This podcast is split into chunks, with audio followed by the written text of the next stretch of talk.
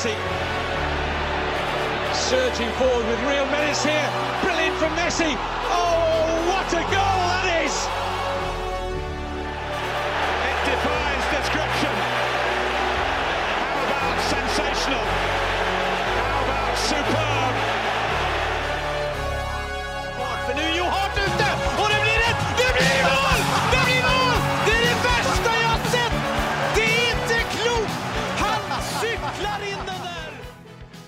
Da kan jeg ønske velkommen til 128. episode av den klønete fotballpodkasten 90 minutter. Fordi vi har sittet her i 35-40 minutter vi og snakka uten å ha satt på rekord!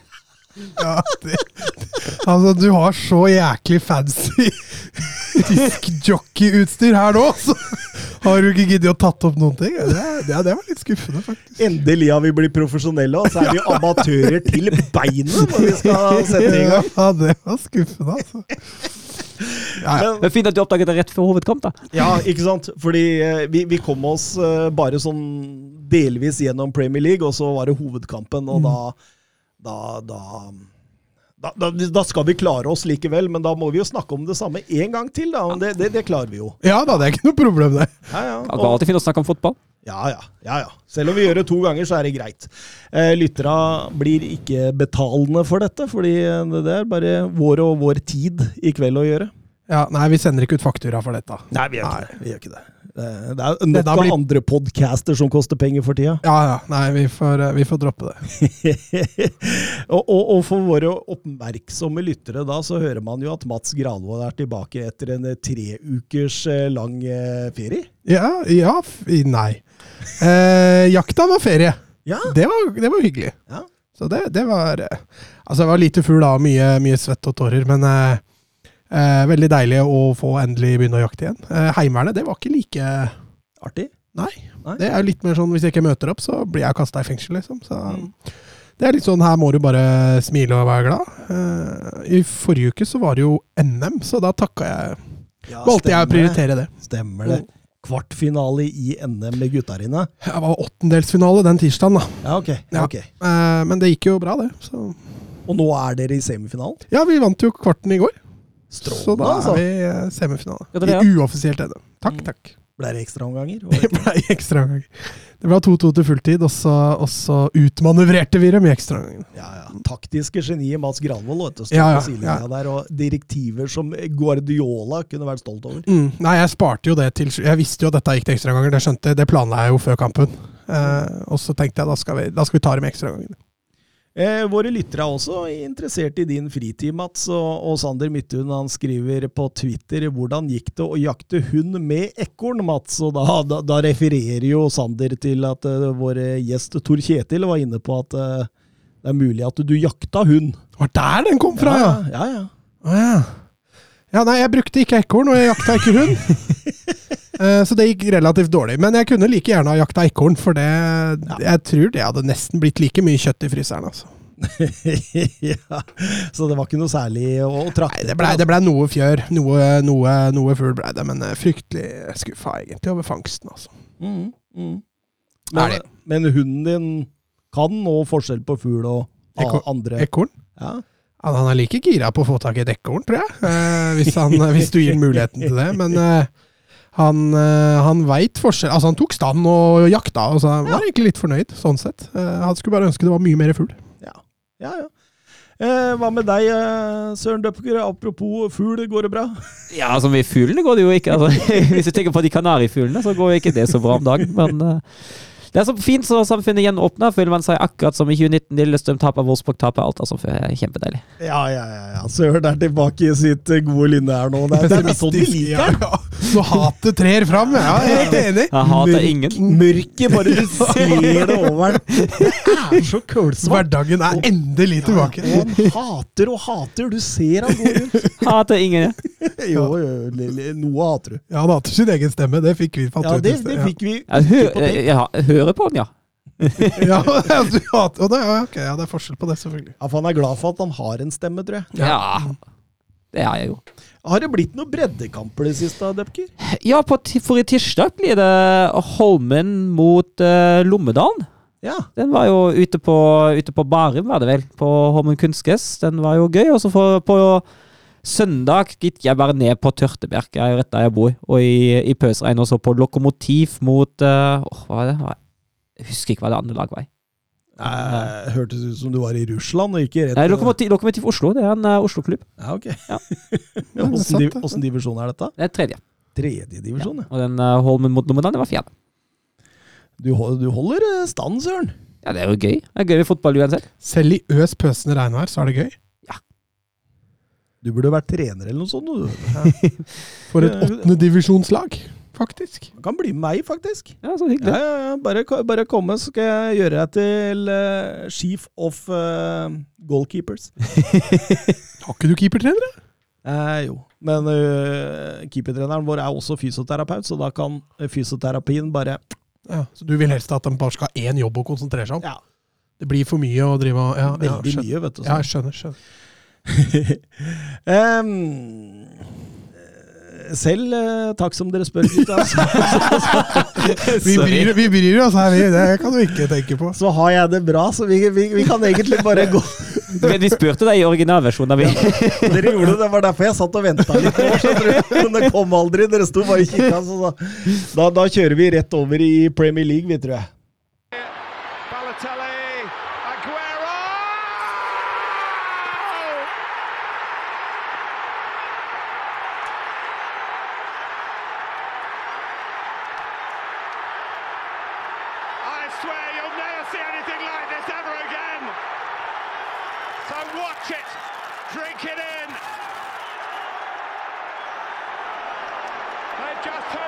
Ja, og vi begynner som eh, vi gjør så mange ganger ellers, Som vi gjorde i stad.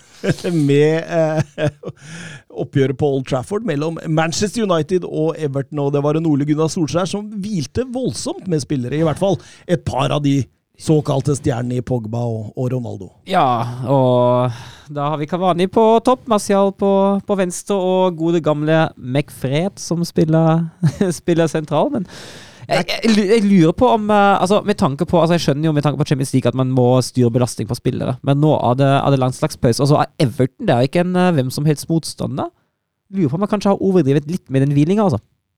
Jo, men selv om det er landslagspause, så bør de hvile, da. Så mange av gutta skal ut Jo, jo, i for all del. Men uh, jeg lurer på om hjemmekamp mot Everton er den beste ideen. altså. Nei da, vi konkluderte jo i stad med at det var det ikke, men eh, Skal, skal vi kjøre referanser med hva vi sa i stad nå? føler jo det at du går og gjentar deg sjøl, og det er litt slitsomt. Ja, men du, du, du må bare tenke nå at eh, de som lytter på, har ikke hørt dette. Nei, nei, nei. nei. Eh, ja, nå datt jeg litt ut, jeg. Uh, ja, det gjorde egentlig jeg òg, Søren. Jeg Plukker opp tråden. Ja, altså Jeg syns jo United, uh, United åpna, åpna best. Jo, der var vi. Ja, helt riktig. Eh, Fram til Altså, United starter best. Everton, eh, men Everton er gode til å, til å ta fra United, i hvert fall uh, kantspillet. Uh, klarer seg å komme godt ut mot ballen. Doble igjen mot, mot ballfyra, få et overtall der. Hindre en del, del frammarsj der. Og så blir det jo litt frustrerende med tanke på at det er ingen som støter inn. Uh, altså Det er litt status, da. Det er ingen som støter inn uh, bak Kavani. Ingen motsatte bevegelser. Kavani beveger seg, syns jeg, ofte godt. Men det er ingen som, uh, som bruker det rommet han egentlig åpner. Ja, nei, altså, jeg syns United mangler en indreløper i sånne kamper som dette. her. Det er helt enig. Kavani er jo voldsomt god til å bevege seg. Han skaper jo mye rom eh, med store bevegelser. Og, og Bruno Fernandes er ikke en typisk indreløper. Han, han er en romfortolker, hvis vi kan gå Hvem var det som sa det om, om Müller? Var det Kjernås? Ja, ja, det kan jo fort være. Ja, Han er jo litt mer den typen. da. Altså, McTominay kommer jo på noen dype løp i ny og ne, men, men det må skje mye oftere. Uh, og uh, når United da ikke klarer å holde det høye presset de klarte de første 10-12 minuttene, så kommer Everton mer med i kampen. Og, og ehm, nei, jeg syns United eh, igjen har en kamp hvor de, hvor de har store utfordringer i det etablerte angrepet. Altså. Ja, ja. Og de har også store utfordringer i, eh, den offensive markeringa, altså konterdekkinga. De har, eh, og, og det, dette har vi vært inne på mange ganger, at det kan være akilleshælen til Manchester United. Jeg føler han kommer veldig til syne i denne kampen her, fordi eh, altså, det, er ikke noe Maldini og Baresi bak i Everton-forsvaret der som kan sette i gang midtbanespillere midtbanespillerne sine, altså, men, men og Jerry Mina med trefot og, og det som verre er, de, de, de eh, har ingen som helst problem å spille seg ut og, og sette i gang både overganger og, og i etablert spill. altså. Nei, og Det er jo litt av utfordringen med, med United. Altså de, når de skal kjøre etablert angrep, de bruker så lang tid på å fylle opp boksen. og Du ser det også når bekkene kommer rundt, kantene kommer rundt. altså Det er som regel én eller kanskje to mann å slå innlegg på. Uh, og Det gjør at man ofte da må ut igjen og begynne på nytt. Og, og her tror jeg nok en indreløpertype hadde passa mye bedre. Det er klart du mister nok litt Du mister nok litt trygghet bakover, men så shaky United var på de kontringene. Det hadde, jeg tror ikke det hadde hjulpet så fryktelig mye. altså. Nei, absolutt ikke. Det måtte vel en Donny van de Beek inn, da.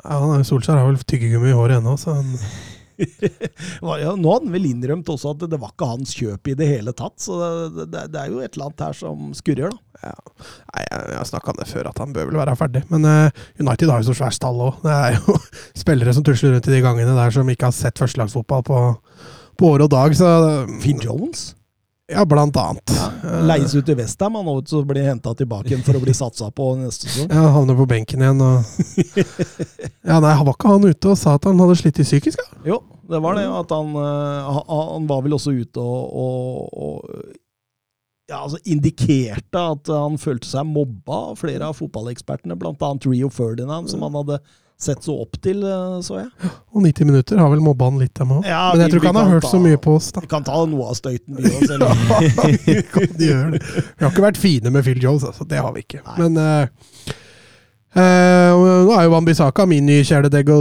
å dulle med, for han, uh, jeg syns han er igjen svak offensivt, altså. voldsomt. Så ja, egentlig som vanlig, egentlig. Ja, ja, det er ikke, det er ikke, det er ikke, han er ikke noe ekstraordinær i den kampen her. Eh, men, men jeg, jeg syns det at, det at Van Wambisaka kommer rundt på kant, altså det, det betyr ikke at det blir noe farlig uansett. Nei, du kan bare slippe den løs. Du kan bare slippe den løs. Ja, du kan egentlig legge taktikk Nei, Wanbisaka får ball. Vi gå. uten venstrebekk. vi. Ja, vi kan like greit gjøre det. Nei, jeg syns det er helt ufarlig. Altså, Han kommer jo opp og tar plass, da, så du må jo forholde deg til det som motstander. Det må du jo, men, men altså, la han slå innlegg, da. Mm. Jeg blir ikke farlig allikevel. Likevel, eh, tross alle disse problemene, så setter Martial 1-0, og det er jo strålende av Bruno i forkant der. Ja, det er et C-moment der, og, og det er jo litt det, det vi har snakket om før, at offensivt United er avhengig av enkeltmannsprestasjoner for å, for å skape noen store sjanser. og det nå er det Bruno som en nydelig yttersidedemping som legger den egentlig fint til rette for at han kan slå den videre ut på neste. og det Vekter perfekt som Martial da får tatt nesten perfekt. Jeg syns ikke den var så perfekt, for de kommer jo faktisk inn og rekker å få blokka der. og det, det hjelper jo Martial i den situasjonen, da, som, som får en deflection. For jeg lurer på om den ellers hadde gått rett på Pickford. Mm. Mm. Så ja. Men denne assisten da, det betyr det 50. målpoenget i Premier League for Bruno Fernandes på 58 Premier League-matcher, og det er kun Andy Cole, Alan Shearer og Erik Cantona som har oppnådd eh, disse tallene på færre antall kamper. og Det, det, det, sier jo mye. altså. Er det ikke ganske jevnt fordelt med han om assist og skåringer? Jo, jeg tror det, nei, jeg tror det er 30-20, så vidt jeg husker. 30 skåringer og 20 assist. ja, men det er sterkt, altså. Det, det, det, ja, altså, det, det sier jo seg sjøl, da. Andy Cole, Shearer og Cantona. Det er, er Altså- ikke smågutter i Premier League-historien, det. Nei da, så kan man jo diskutere hvordan nivået er nå kontra det det var for 20 år siden, men øh, det er uansett en vanvittig prestasjon. Mm, absolutt. Men samtidig, ja, man går jo til annen omgang her, og, og, og United sliter eh, med Gray og, og Rondon og, Townsend i kontra der. Ja, altså Gray og Townsend får jo etter hvert ganske frie spillerom. Eh, Det er nesten litt skummelt å se på. Fred kløner oftere i den kampen her enn jeg har sett på lenge. Han, han gir bort unødvendig mye baller. Han, han er svak i, kontradekninga. Én mot én defensivt, så blir han jo pissa på av Gray et par ganger der. og det må ha vært litt skremmende for, for, for de fleste United-supportere å se, men, men Gray kommer jo helt i sin rett. Det er en av de bedre kampene jeg har sett han i. Han, han, han gjør nesten som han vil i perioder. Mm. Så gi han så store rom, det, det tror jeg nok laget etter må, må se og lære litt av. Og til tross for eh, at Solskjær hiver inn både Ronaldo og Sancho, så er det faktisk Everton på en monsterkontring Ja. som setter inn. Ja, monsterkontring av Gray. Altså det, det Gray gjør deg, det er, det er så kruttsterkt. Uh, det Luxo gjør deg Vi, uh, Jeg skjønner ikke hva han driver med. Kan du, kan du nevne Sancho i den setningen? At det, på tross av at han setter inn Nei, Sancho Nei, kan kanskje ikke det, for han er naken for tida. Altså. ja, det, altså, det, er, det, er vært, altså, det er veldig Altså Han hadde en dårlig periode i Dortmund. Da husker jeg vi satt der og diskuterte. Og, ja, det, var vel, det, var vel, det var vel høsten i fjor, det òg, tror jeg. At den var, at den var litt Ja, svak. Ja, stemmer. Han Altså, altså begynte kom han kom seg veldig igjen på i løpet av våren. for det han har vist nå, det, det, er, det er noe av det dårligste jeg har sett av Sancho. Altså, Ta med dår, dårlige tida i Dortmund. Ja, ja, ja, altså, han var jo han var altså. hakket hvassere der, altså. Mm. Men det, men, men det kommer. Men, men likevel, da. Eh, Townsend uh, setter 1-1 og eh, limer den i lengste der, og, og da, da må Manchester United på jobb igjen. og, Men samtidig jeg føler jo at de taper litt denne midtbanekrigen. Og Dokoré syns jeg også er strålende for Everton i denne kampen. Ja, så er han så flink til å pushe etter. Ja, Det å fylle opp etterpå, det er der United mangler den toeren. Uh, mangler en av de toerne som kan Nei, ikke le nå, det prøver jeg å komme meg gjennom. Ja. Eh, men at det kommer med på de dype løpa, da. Ja. Ja. Og der er, og så er jo i tillegg en ballvinner, ikke sant? Mm. Mm. Nei, det, det, og det skulle ikke mye det, det- altså, det var bare en liten offside-avgjørelse der uh, unna at Everton tok med alle poengene, Søren. Ja, men hvorfor skyter han ikke sjøl, da? Det, det er kanskje det største spørsmålet. Det lurer vel Mats Granvold Ja, det, vi har hørt en sånn veddemål som Mats Det eh, ikke hadde. veddemål. Nei, men betting, Ja, ja, Som nei, det hender jeg legger inn sånne håpløse tips bare fordi det er så høy odds. Og da legger inn at f.eks. en eller annen scorer hat trick i en eller annen match. Eller. Og denne kampen så kjørte jeg da Tom Davies som kampens siste målskårer. Så eh, raseriutbruddet ble ganske heftig når han valgte å sentre når han var aleine med keeper på slutten. Det, det, det var noen tusenlapper tapt hvis han hadde satt den. ja, og det, altså, det valget der òg, altså, det, det er jo altså, verdens mest uegoistiske. Vi skal over til en som har begynt å bli litt egoistisk i det siste, men, men, men, men her Altså, du, du, du kan avgjøre på Old Trafford for barndomsklubben din fem minutter før slutt. Du har, du har aller tiders sjanse. Du ser Jeremina i en bedre posisjon, men du, du tar også en sjanse med at Jeremina han er jo rett for, for, i forkant der. Mm. Ah, det, er, det er dårlig. Altså Det er ganske mange spillere som også hadde skutt der, da, for å si det på den måten. Uh, Tom Davies er jo åpenbart en, en litt mer tilretteleggertype og en, og en litt mer kriger. Eh, jeg tror også Kanté kunne finne på sentra der, da, for å si det på den måten. Eh, så, han, så han er ikke den der finisheren-typen, men, men du har helt rett. Valget han tar der, er jo, er jo feil. Absolutt. ja. Litt artig også å se hvordan Manchester United gambler på den Sancho-Godfrey-duellen der. Altså, de, de gir bort absolutt all markering. De skal bare stupe framover for å sette 2-1 der, og så, og så vinner Godfrey den og ut til, til Davis der. Det, det kunne vært skjebnesvangert, altså. Mm. Det kunne det, men det blei 1-1, og, og eh, det er vel kanskje et resultat begge lag kan leve med, som kampen blei. Ja, altså Kampbildet sett under ett, så, så var 1-1 et fair resultat. Jeg tror ikke United lever godt med det resultatet der. Nei, det, det, det kan du si. De skal jo Også med tanke på at Everton også var ganske skadeplaga. Altså, og, Solskjær òg. han, han er jo plutselig blitt litt pressa igjen. Ja, men det er jo da han har begynt å levere de sterkeste resultatene. Så vi får se hvordan de responderer på det nå. Eh, samtidig syns jeg Solskjær er litt sånn baby i uttalelsene sine. Litt sånn sutrete og Ja. Jeg blir litt flau når jeg hører på han for tida. Ja, hva, hva, hva var det? Han kom i Klopp, stjal straffesparket. Ja, han sier det til ja, alle, det altså, i alle dager?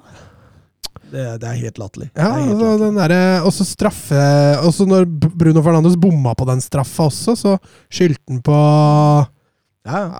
Det er mye unnskyldninger, da! Ja. Det er litt slitsomt. Og jeg står fortsatt på det jeg har sagt, at hvis de Han får sparket hjul! Hvis de hadde sparka han tidsnok, så hadde de hatt et eller annet nå. Et eller annet, et Premier League-gull, en, en eh, Europa League-trofé, et eller annet sånt. De hadde vært enda lenger hvis de hadde ansatt f.eks. en Pochettino. Ja, det er hypotetisk, så det gidder jeg ikke å svare på. Vi får se hva Pochettino gjør det i PSG. Og- Han har ikke imponert, han der. Nei, jeg, jeg, synes, jeg er helt enig. Jeg syns ikke han har det. Eh, PSG er en annen. Eh, Chelsea, Southampton eh, Thomas Tuchel gjorde som Solskjær. Han rullerte han også inn med en haug av ja, hva kan si, akademispillere. Hudson Odoi, Shaloba, Loftus eh, Chilwell fikk jo prøve. Ja, han ble jo kjøpt av Timo Werner, da, som de, de, de prøver i hvert fall å spille den, i form, men eh, Ja, Werner snakker du om? Mm? Werner, var det du Ja. mente? Ja. Men, men Southampton modig, tør å stå høyt, spiller sitt spill uansett Ja, om det er på Stamford Bridge. Altså. det er jo det er Southampton i et nøtteskall. Det er jo plan A, plan A, plan A. Plan B fins jo ikke. Mm. Ja, altså det, det er lett å respektere det, men, Jo, jo. men du må også være da forberedt på at eh, det er en del kamper du ikke kommer til å komme noen vei, fordi motstanderen kjenner deg jo veldig godt. Du, de veit jo hva du kommer med. Samtidig, som du sier, jeg syns Southampton greide å skape en god del trøbbel i den kampen her for, for Chelsea. Altså. Ja, absolutt. Og, og de er jo fullt på høyde, selv om Sjaloba setter 1-0 der tidlig, så er de jo fullt på høyde i store Mm. deler av førsteomgangen før eh, ja, du, du kan jo si rundt det der annullerte målet til, eh, til Timo Werner, Mm. eh, så, så, så er det jo ganske jevnt. Eh, Og jeg synes det, det er et eller annet med rytmen i, i Chelsea der, og det, det, kan du jo åpenbart eh, se på da med at det var voldsomt mange utskiftninger der, og Ja, altså det har litt med det relasjonelle. Det er klart det har det. Eh, Det. Jorginho betyr jo mye. Ja, det gjør han jo. Kanté betyr jo mye, og, og um, så har jo også Mason Mount, når du ser han kommer inn, hva han betyr. Altså, det, det er klart du mister mye sentralspillere som er, som er viktige for laget. Og, og som jeg nevnte, det relasjonelle. Det er ikke bare å kaste elleve stjernespillere utpå der, og så vil det fungere. Så han eh, Det har litt med hvor mye tid man har tilbrakt sammen på en bane å gjøre. Ikke bare treningsfeltet. Så veit man jo ikke om man skal le eller grine av Timo Werner, da. Eh, Jeg, jeg syns litt synd av det målet bli annullert. Og det var Gri, ikke Grine er alternativet. Altså. Jeg syns litt synd på han, fordi det var jo, han gjør jo egentlig ikke noe feil der. Han blir jo annullert for noe som, uh, som, uh, som skjer i forkant der. Altså, ja, Han er litt sånn desperat etter de skåringene der. Ja, han er det, og, og det går litt utover eh, Chelseas angrepsspill. Og du ser jo Lukaku er jo skikkelig forbanna noen ganger for at han ikke får ballen i tide og sånn, fordi han, lokker øya, klemmer til, går på skudd, eh, avslutter fra litt sånne håpløse posisjoner. Du ser liksom Han kan avslutte med blokken rett foran seg istedenfor å og det, det, er- det er noen sånne ting, fordi han er så desperat etter å få i gang dette her.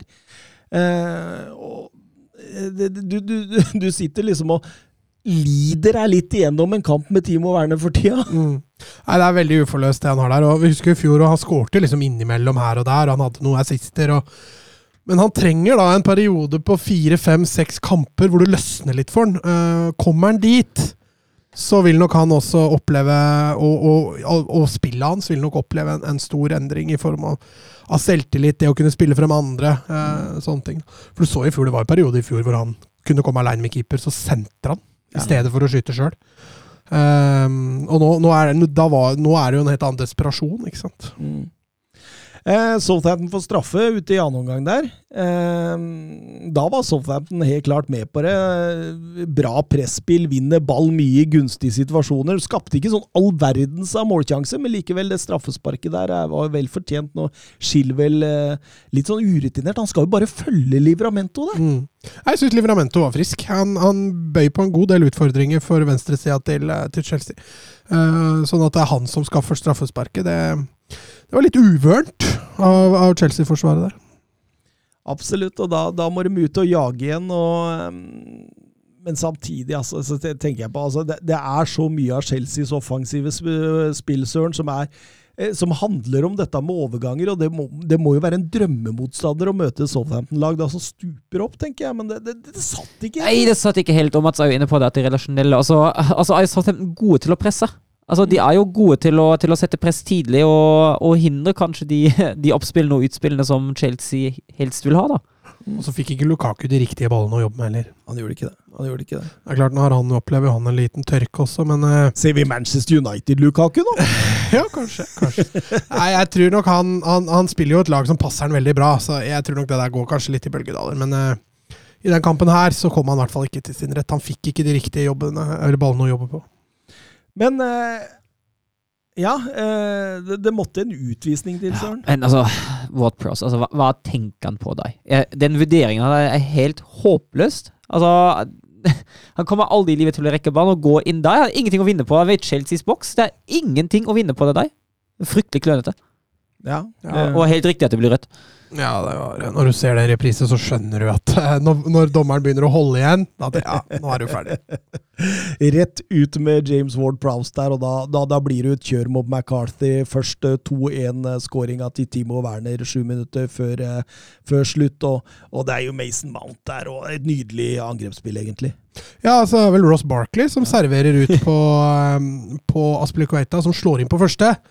Og da er det to løp mot én stakkars Southampton-forsvarer inni der, og han klarer jo ikke å dekke to mann, og da er det Werner som kommer først, og der løsna det lite grann, i hvert fall. Ja, Så får vi se om det, det blir en konsins... Jeg nevnte vel jo at uh, vi får se egentlig om han starter neste kamp. Det er vel egentlig det som blir neste utfordring. Det blir spennende å se på landslaget, da. For da har han jo mulighet til å kanskje skyte seg litt i form. Ja, absolutt. Vi bruker Tyskland som en sånn Springbrett. Eh, og, det- og det blei til slutt også 3-1 med Ben Shilwell. der. Ah, Jeg syns jeg er synd på McCarthy.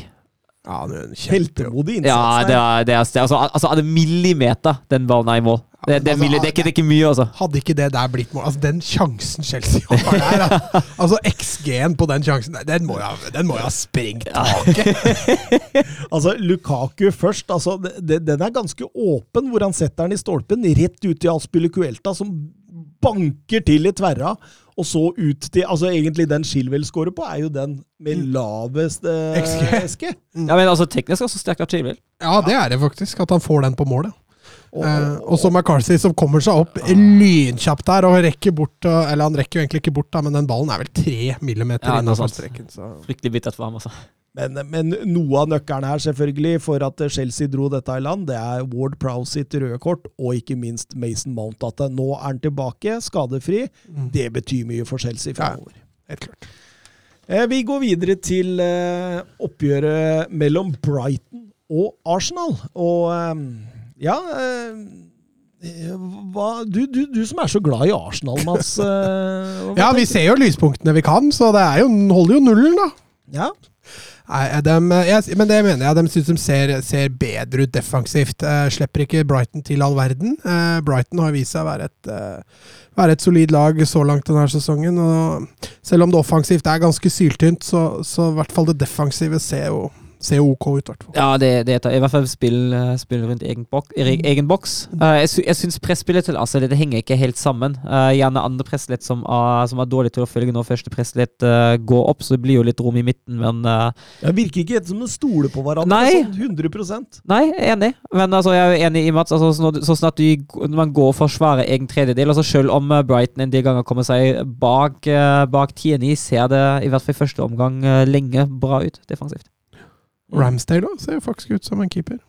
Ja, det er klart det med Ramsdale, Tomiyasu, eh, Tierney på hver sin bekk og med Ben White og Gabriel som stoppere, så er det jo et eh, ganske habilt forsvar. og de, de, de viser jo at du begynner å få en sånn slags trygghet. da, For Mm. Brighton borte, det er ikke noe lett motstander, det. Eh, En Mopay som driver og truer hele veien, Mm. kommer med bekka sine der, og Kukuera som har vært strålende etter etter overgangen til Brighton. Og vi kan jo ta spørsmålet fra eh, René Evenstad. Eh, må si jeg digger Kukureya. Eh, burde ikke en større klubb enn Brighton ha plukka han opp? Jo, det, altså, det er lett å si nå, da. han er jo fortsatt uprøvd på det, på det høyeste, høyeste nivået, hvis vi kan si det, i forhold til en storklubb. Men uh, han har hatt to veldig gode sesonger bak seg i Getafe. Uh, Barca henta han jo tilbake igjen, for så å selge den umiddelbart. Sånn litt sånn Emerson. Så hvis dette her fortsetter, så er det lett å sitte og se at eh, jo, her er det noen andre som burde satsa. satsa. For det, det han har vist så langt, hvert fall, det, det virker veldig lovende. Kanskje det er Barcelona som burde satsa? Ja, ja, utvilsomt. Men, men greia er at eh, å hente inn en backup til Jordi Alba på den tida, er jo ikke veldig lett, da. Nei. nei. Kukurea spørs om hvor mye han hadde fått spilt i Barcelona hvis han hadde blitt der. Absolutt. Um, hva tenker du om eh, Arsenal sitt angrepsspill eh, sånn Nei, altså det er jo, det er jo litt sånn same old. Uh, jeg syns Arsenal gjør mye av det samme som de, som de pleier å gjøre, og mye av det samme som ikke pleier å funke. Uh, det er veldig mye kantprega. Uh, og som, Jeg savner en plan eh, når ballen er ute på kant, for det virker som om ok, Tierney slår noen innlegg. Eh, gjerne på Ødegaard, uh, Smith Rowe og en fryktelig kald Aubameyang i boksen. Eller så skal Saka utfordre og skape noe gjennom det. Eh, det er egentlig det vi har sett hele sesongen, stort sett. Uh, og det fungerer like dårlig. Altså, skjønner, jeg skjønner fortsatt ikke altså, hvorfor, hvorfor holder både Lokonga og Party igjen hva eneste gang? Hvorfor flytter man ikke Party litt lenger opp i boksen når du først skal operere med innlegg? Han er jo perfekt til å skape litt uro da med dype løp. Jeg skjønner det ikke. Jeg forstår det ikke. Ja, Aubameyang òg. Han, Ja, men han han er off nå, altså. Ja.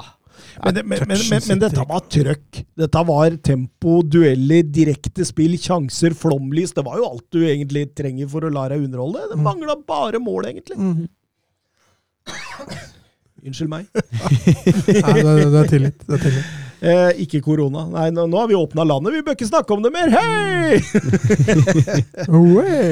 Eh, men, men det ender 0-0, og Arsenal har kun skåret fem mål på sju kamper. Eh, Ikke overraskende med det angrepsspillet der. Nei, og, og man skal tilbake til 86-87 for å finne en trangere start eh, offensivt. Eh, da må vi tilbake til George Grahams første sesong, og det som la grunnlaget for The Boring Arsenal. Mm.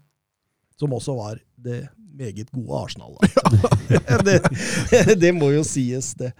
Um, 0-0. Nei, den er grei. Vi drar over til uh, White Hart Lane, holdt jeg på å si. Det gjør vi ikke, Oi. men uh, tidligere White Hart Lane, nå Tottenham Hotspur Stadium. Man har ikke fått solgt rettighetene enda. Nei, er ikke det hyggelig for deg? Ja? Jo, det, det, det er litt kult å At ha et sånt ikke blir Hul stadion. Hewlett Packard stadion eller uh, Aya stadion. Nike Hart Lane. Ja. Den hadde vært fin, da. Eh, tre seire og tabelltopp har blitt til tre strake tap, bl.a. blant annet tap mot eh, Nord-London-rivalen Arsenal forrige helg. Og, og, og Ja, bra måtte vi ikke på- hadde sending da. Ja, det var deilig. Så Tottenham måtte opp på hesten, Søren. Ja, og altså Sett under ett syns jeg det, det, ser, det ser bedre ut i den kampen. Særlig i andre omgang, vi kommer sikkert dit. Eh, jeg syns jo første omgang det er jo litt sånn uh, det, det er litt sånn sjansefattig uh, som, vi, som vi kjenner det til. Men samtidig, altså det man ikke hadde mot Arsenal med defensiv stabilitet, det syns jeg i stor grad er tilbake nå mot, uh, mot Esten Villa, i hvert fall. Ja, altså det er klart, Jeg syns Aston Villa starter best. Eh, Det høye presset sitter ganske bra. Tottenham sliter litt i frispillinga. Så fort de greier å involvere sånn så tidlig som mulig, så, så løser det mye, og Tottenham greier å, å flytte laget høyere i banen. Eh, Så fort det skjer, så, så syns jeg Tottenham kommer mye bedre inn i det. Eh, Men som Sir sier, det ble ikke mye sjanser i den første gangen. Og, og, og, og Villa skaper stort sett kun på dødballer. Eh, Tottenham start, skaper stort sto, Stort sett kun. Ja, takk. Takk. Eh, gjennom eh, Son. Ja. Mm, ja. ja, men Son er jo den store spilleren i den kampen, nei. Og det er jo han, han står jo bak 1-0. Ja, han gjør jo det. Eh, og Ja, han jeg har som- lyst til å gi litt til Høibjerg der òg. Det er vel han som vinner den og setter i gang Ja. Son, er det ikke det? Ja, altså, Nei, Son- Son vinner, Ja. og så gir han til Høibjerg. Ja, ok. Og så eh, Husker jeg så feil? Jeg mener jeg husker det er Høibjerg som vinner, setter i gang Son. Son tilbake igjen til Høibjerg, og så i morgen. Er ikke det, husker jeg feil? Eh, Jeg er ganske sikker på at det er Son ja, ja. som vinner den eh, først der. Ok, ok. Det er Son som har assisten. Og så hadde jo en uh, herlig avslutning av uh, Høibjerg rett ved stolperota. Ja, den spisskåringa til Høibjerg, den Ja. skal du ikke ta fra han, i hvert fall. Nei, det, det, det er sånn jeg prøver å lære jentene på treningsfeltet. At du bør ikke bare klemme til, du kan bare legge den. Eh, Noen ganger så er- passer det bra.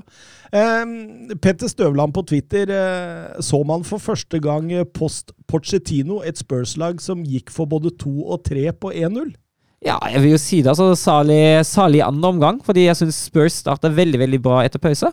Uh, og har egentlig brukbart angrepsspill og god kontroll på hele kampen. Og absolutt jakta både to og tre. Ja, husker Husk hvor hvilke trenere Tottenham har hatt etter Porcedino. da. Jo, jo. Det er Mourinho og De Santo, liksom. Det er eh, det er, Ja, men ikke, det, er ikke, det er ikke fyrverkeri av trenere Nei, som nei, går men- for 5-0-seire, det der. Så Men jeg syns jo Tottenham gjør det i den kampen. Ja, og de gjør det jo bra. Altså, to dare is to do, som uh, Thomas er glad i. Så, så det er jo dette man forbinder litt med Tottenham. Mm. Altså, det er litt gladfotball. Det er jo sånn, det, sånn Tottenham egentlig skal spille hver gang, spør du meg. da. Uh, Så det er jo hyggelig for Tottenham at de, at de er litt der. Ja, jeg, jeg- Villa har jo noe, men det er, det er stort sett dødballer og lange innkast fra denne Cash. Han kaster voldsomt langt, forresten. Eh, og eh, Det var noen ganger du satt og tenkte møter vi Stoke her, liksom? Men det var, det var et Aston Villa som satsa voldsomt på dette. og, og men, men, men det er ikke dødball som setter 1-1 ved Ollie Watkins. Der er det, Og Christian Romero han er ute på tur der og takler noe voldsomt eh, i forkant der. og, det, det blir ganske åpent der, og Watkins får eh, sette ganske enkelt inn 1-0. Nei, 1-1. 1-1. Ja, det var jo altså dobling, dobling på kant mot stakkars Emerson der, og så er egentlig både Deia og Romero litt ute av Eller Romero er ute av posisjon, og Deia kommer altfor seint. Så ja. Og som Tottenham-supporter da, så tenker man jo same old story. Ja, nå Og så- skjer det igjen. Og så dukker Hoeng Min Son opp igjen, og det, det forarbeidet han gjør der, er jo Stående. parkerer house. Hus. Ja, så ut som et hus der.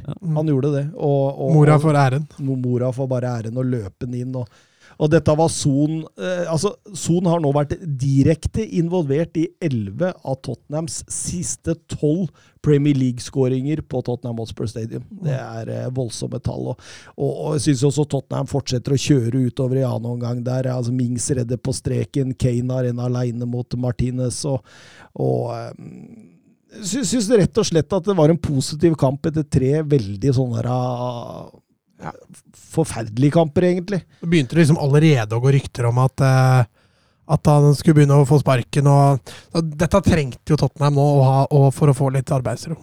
Hørte du det som kom ut i dag om kontrakta til Nuno Spirito Santo? Nei.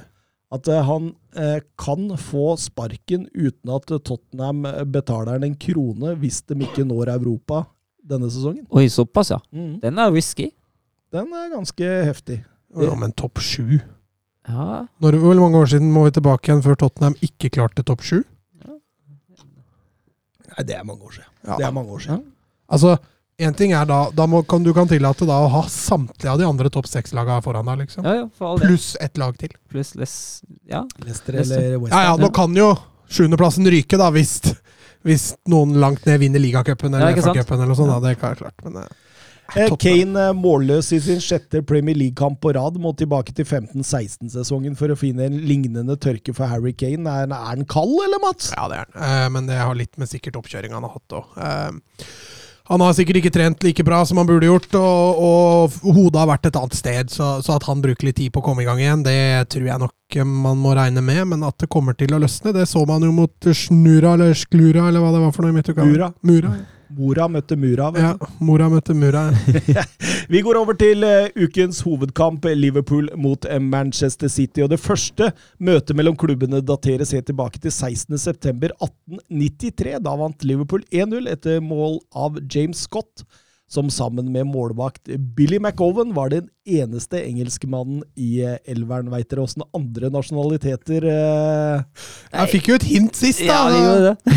Det var vel nå, litt sånn nå spilte jeg dere smarte her, da, fordi vi sa jo at vi stoppa ved Ja, men vet du hva? Hvis du hadde sagt til meg det før den der, Ja, så hadde så hadde jeg sagt skotter på Ja, ja, grunn ja. av The Ja. English Game, Ja. som, uh, Ja. som handla om akkurat samme. Så det hadde nok ikke Etter det har lagene spilt hele 217 kamper eh, seg imellom. Eh, 105 har endt med Liverpool-seiere, og bare 58 med Manchester City-seiere. Men det har jevna seg ut i nyere tid. Eh, de siste 30 har endt eh, 12 Liverpool-seiere og 8 til Manchester City. Tilsvarende siste sesong 1-4 til Manchester City, den husker vi vel. Ja, liksom med to fryktelige brølere av eh, noen utspill der. Gundogan der som var i strålende Mm. form, Mats.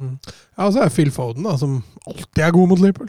Ja. Han har runda Liverpool. da. Han runder Liverpool hver eneste gang, men nå fikk han jo også veldig eh, God god, hjelp av men, men det skal jo komme tilbake til eh, noe ved lagene, Søren Dupker? Ja, eh, Liverpool hadde enkelt og greit samme lag som slo Porto midt i uka. Ingen hindring av dem. City gjør to etter tapet borte mot PSG. Og det er at Stirling og Mares de havner på benken, og Foden og Jesus går inn. Og Foden inntar da også venstrekanten, mens Grealish skyves inn som en falsk nier. Litt overraskende, egentlig. Eh, Falsk nier. eh, Og nesten aldri, Har vel aldri sett Grealish i den rollen, tror jeg. Nei, og når jeg tror uh, Guardiola oppsummerer kampen nå, så tror jeg ikke han er helt fornøyd med den, det valget der. Nei. Men eh, Liverpool åpner best, eller? Ja, jeg, jeg syns det. altså Liverpool, eh, Liverpool stresser City med det høye presset. Jeg syns Liverpool er, er gode i både pressing og gegenpressing. er Aggressive der. Samt at Citys press sjøl ikke fungerer. Fordi eh, de, har, de havner ofte i underkall på kant i, eh, i den smale, smale pressformasjonen der. Uh, Liverpool får skyve opp bekkene, og reager, Guardiola reagerer jo også ganske tidlig på det og går med over i en 4-4-2. Og fra da får jo City, City god kontroll. Ja, og innimellom til og med 4-5-1. Jeg, jeg, satt og tenkte underveis der at eh, hvor ofte har man sett City lavt i 4-5-1? Det, det skjedde et par ganger der, eh, hvor de måtte helt ut og, og, og dekke opp begge sidene med kantene sine. Ja, men altså, og så- kommentere, kommentere seg. jeg. Eh, Å analysere Liverpool, det er jo ikke veldig store svingninger i formasjoner eller spillestil. Altså, det er det Plan samme. plan det er, plan Ja, det er litt samme der også. Uh, Men uh, det er mye artigere å følge City, for der gjøres det justeringer underveis. Nå skal det sies at Liverpool justerte litt i pausen, da, men Mm. Nei, det var, det var en kul, kul kamp.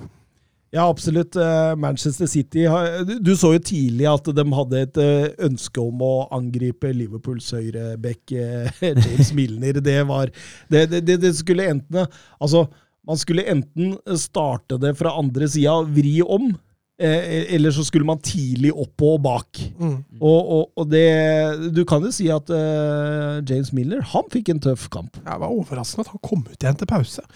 Eh, uansett, uh, Phil Foden lekte jo tidvis med, med Milner. Uh, og Cancelo hadde jo en strålende førsteomgang. Uh, og den duoen der på sida, når, når City begynte å ta over etter sånn 12-15 minutter, så var det fra venstre hele tiden. Det var alltid enten via venstre hvor det starta, eller så var det ut på venstre, som du sier, Thomas. Så Phil Foden versus Milner, det, det var en stygg duell i første omgang. Altså.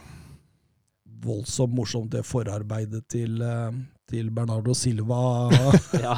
Ja, Der burde jo Foden ha scora, selvfølgelig. Men uh, det, det han gjør der altså, Han er ikke spesielt kjapp. Nei, Det er det som er altså At han greier å komme ut av det der, det det er fem-seks spillere, altså. Ja, men han er ufattelig god til å føre ball med sin egen kropp mellom ball og motspiller. Da. Han klarer alltid å få motspilleren bak seg. Mm. Og det, det er en herlig egenskap, men det, det skal jo være ganske vanskelig da, når du har fem spillere rundt deg. Men, men, men City malte, og, og, James Milner han blei eh, mer og mer rådvill ut på, på sida der. Han får et eh, han, han- får eh, også vel et uh, gult kort, gult kort. som, som gjør at det, det, det blir jo mye verre for han der. ja, for han kan ikke lenger takle. Og, og, og, men, men likevel så gjør han det. Ja, Han tar og han, eh, altså, Den straffesituasjonen Ja, der. blant- Ja, det- altså, 31 det- der. det er jo ikke straffe, men jeg mener jo at det er solklart frispark til Forden. Foden. Det er, Jeg tror det er derfor ikke han går til VAR. ja, ja, men det, altså, det, det er jo, altså, jeg skjønner ikke at han ikke blåser frispark. Det er jo ganske synlig at det blir frispark. Han blir jo felt. Han blir jo tatt. Og da er det, Det gult. Ja, det er gult. Det er gult kort er jo det også at uh, Foden ikke legger seg og Ja, han, og det- prøver, han prøver å holde seg på beina, så blir han straffa Ja, for det. Da. det Jeg vi- tror i hvert fall det er sånn. Det har vi snakka om i Phil Foden før. Mm. Det var I, i fjor snakka vi om, uh, om en eh, kamp der han gjorde akkurat det samme og ble straffa for det. Jeg husker ikke hvem det var mot, men da fikk han ikke et straffespark som han skulle hatt. stemmer. Så vi skal hylle Phil Foden her, altså. Ja, Ja, For en sportsmann. Men det er klart, altså han prøver jo der for å holde seg på beina og jobbe inn ballen igjen. Og det, det gjør at jeg tror dommeren da Altså Hvis han var i tvil, da, så tror jeg Ja. det gjør at han ikke blåser. ja men jeg syns det blir så feil. Ja, jeg, Jeg jeg, jeg, jeg selvfølgelig er helt enig. Altså Her sier jo dommeren da jo egentlig at eh, nei, du må legge deg ned for å få frisparket. Hvis du står på beina, så får du ikke frispark. nå, nå er Phil Foden altså, er vel, eh, Han er vel er blitt 21 nå, eller? Mm. Ja, altså han, Nå har han, opp, han i løpet av ett år to sånne situasjoner. Jeg tror neste gang legger han seg, og det er fryktelig synd. For det er ikke sånn vi skal oppdra spillerne våre. Eh, vi legger til at uh, Dermot Gallacher, Gallagher, Premier League-dommer i 15 år, var på Sky Sports og sa at han snubler i egen bein. Det er helt riktig av dommer å ikke dømme noe på det. Det er såpass, ja. Mm.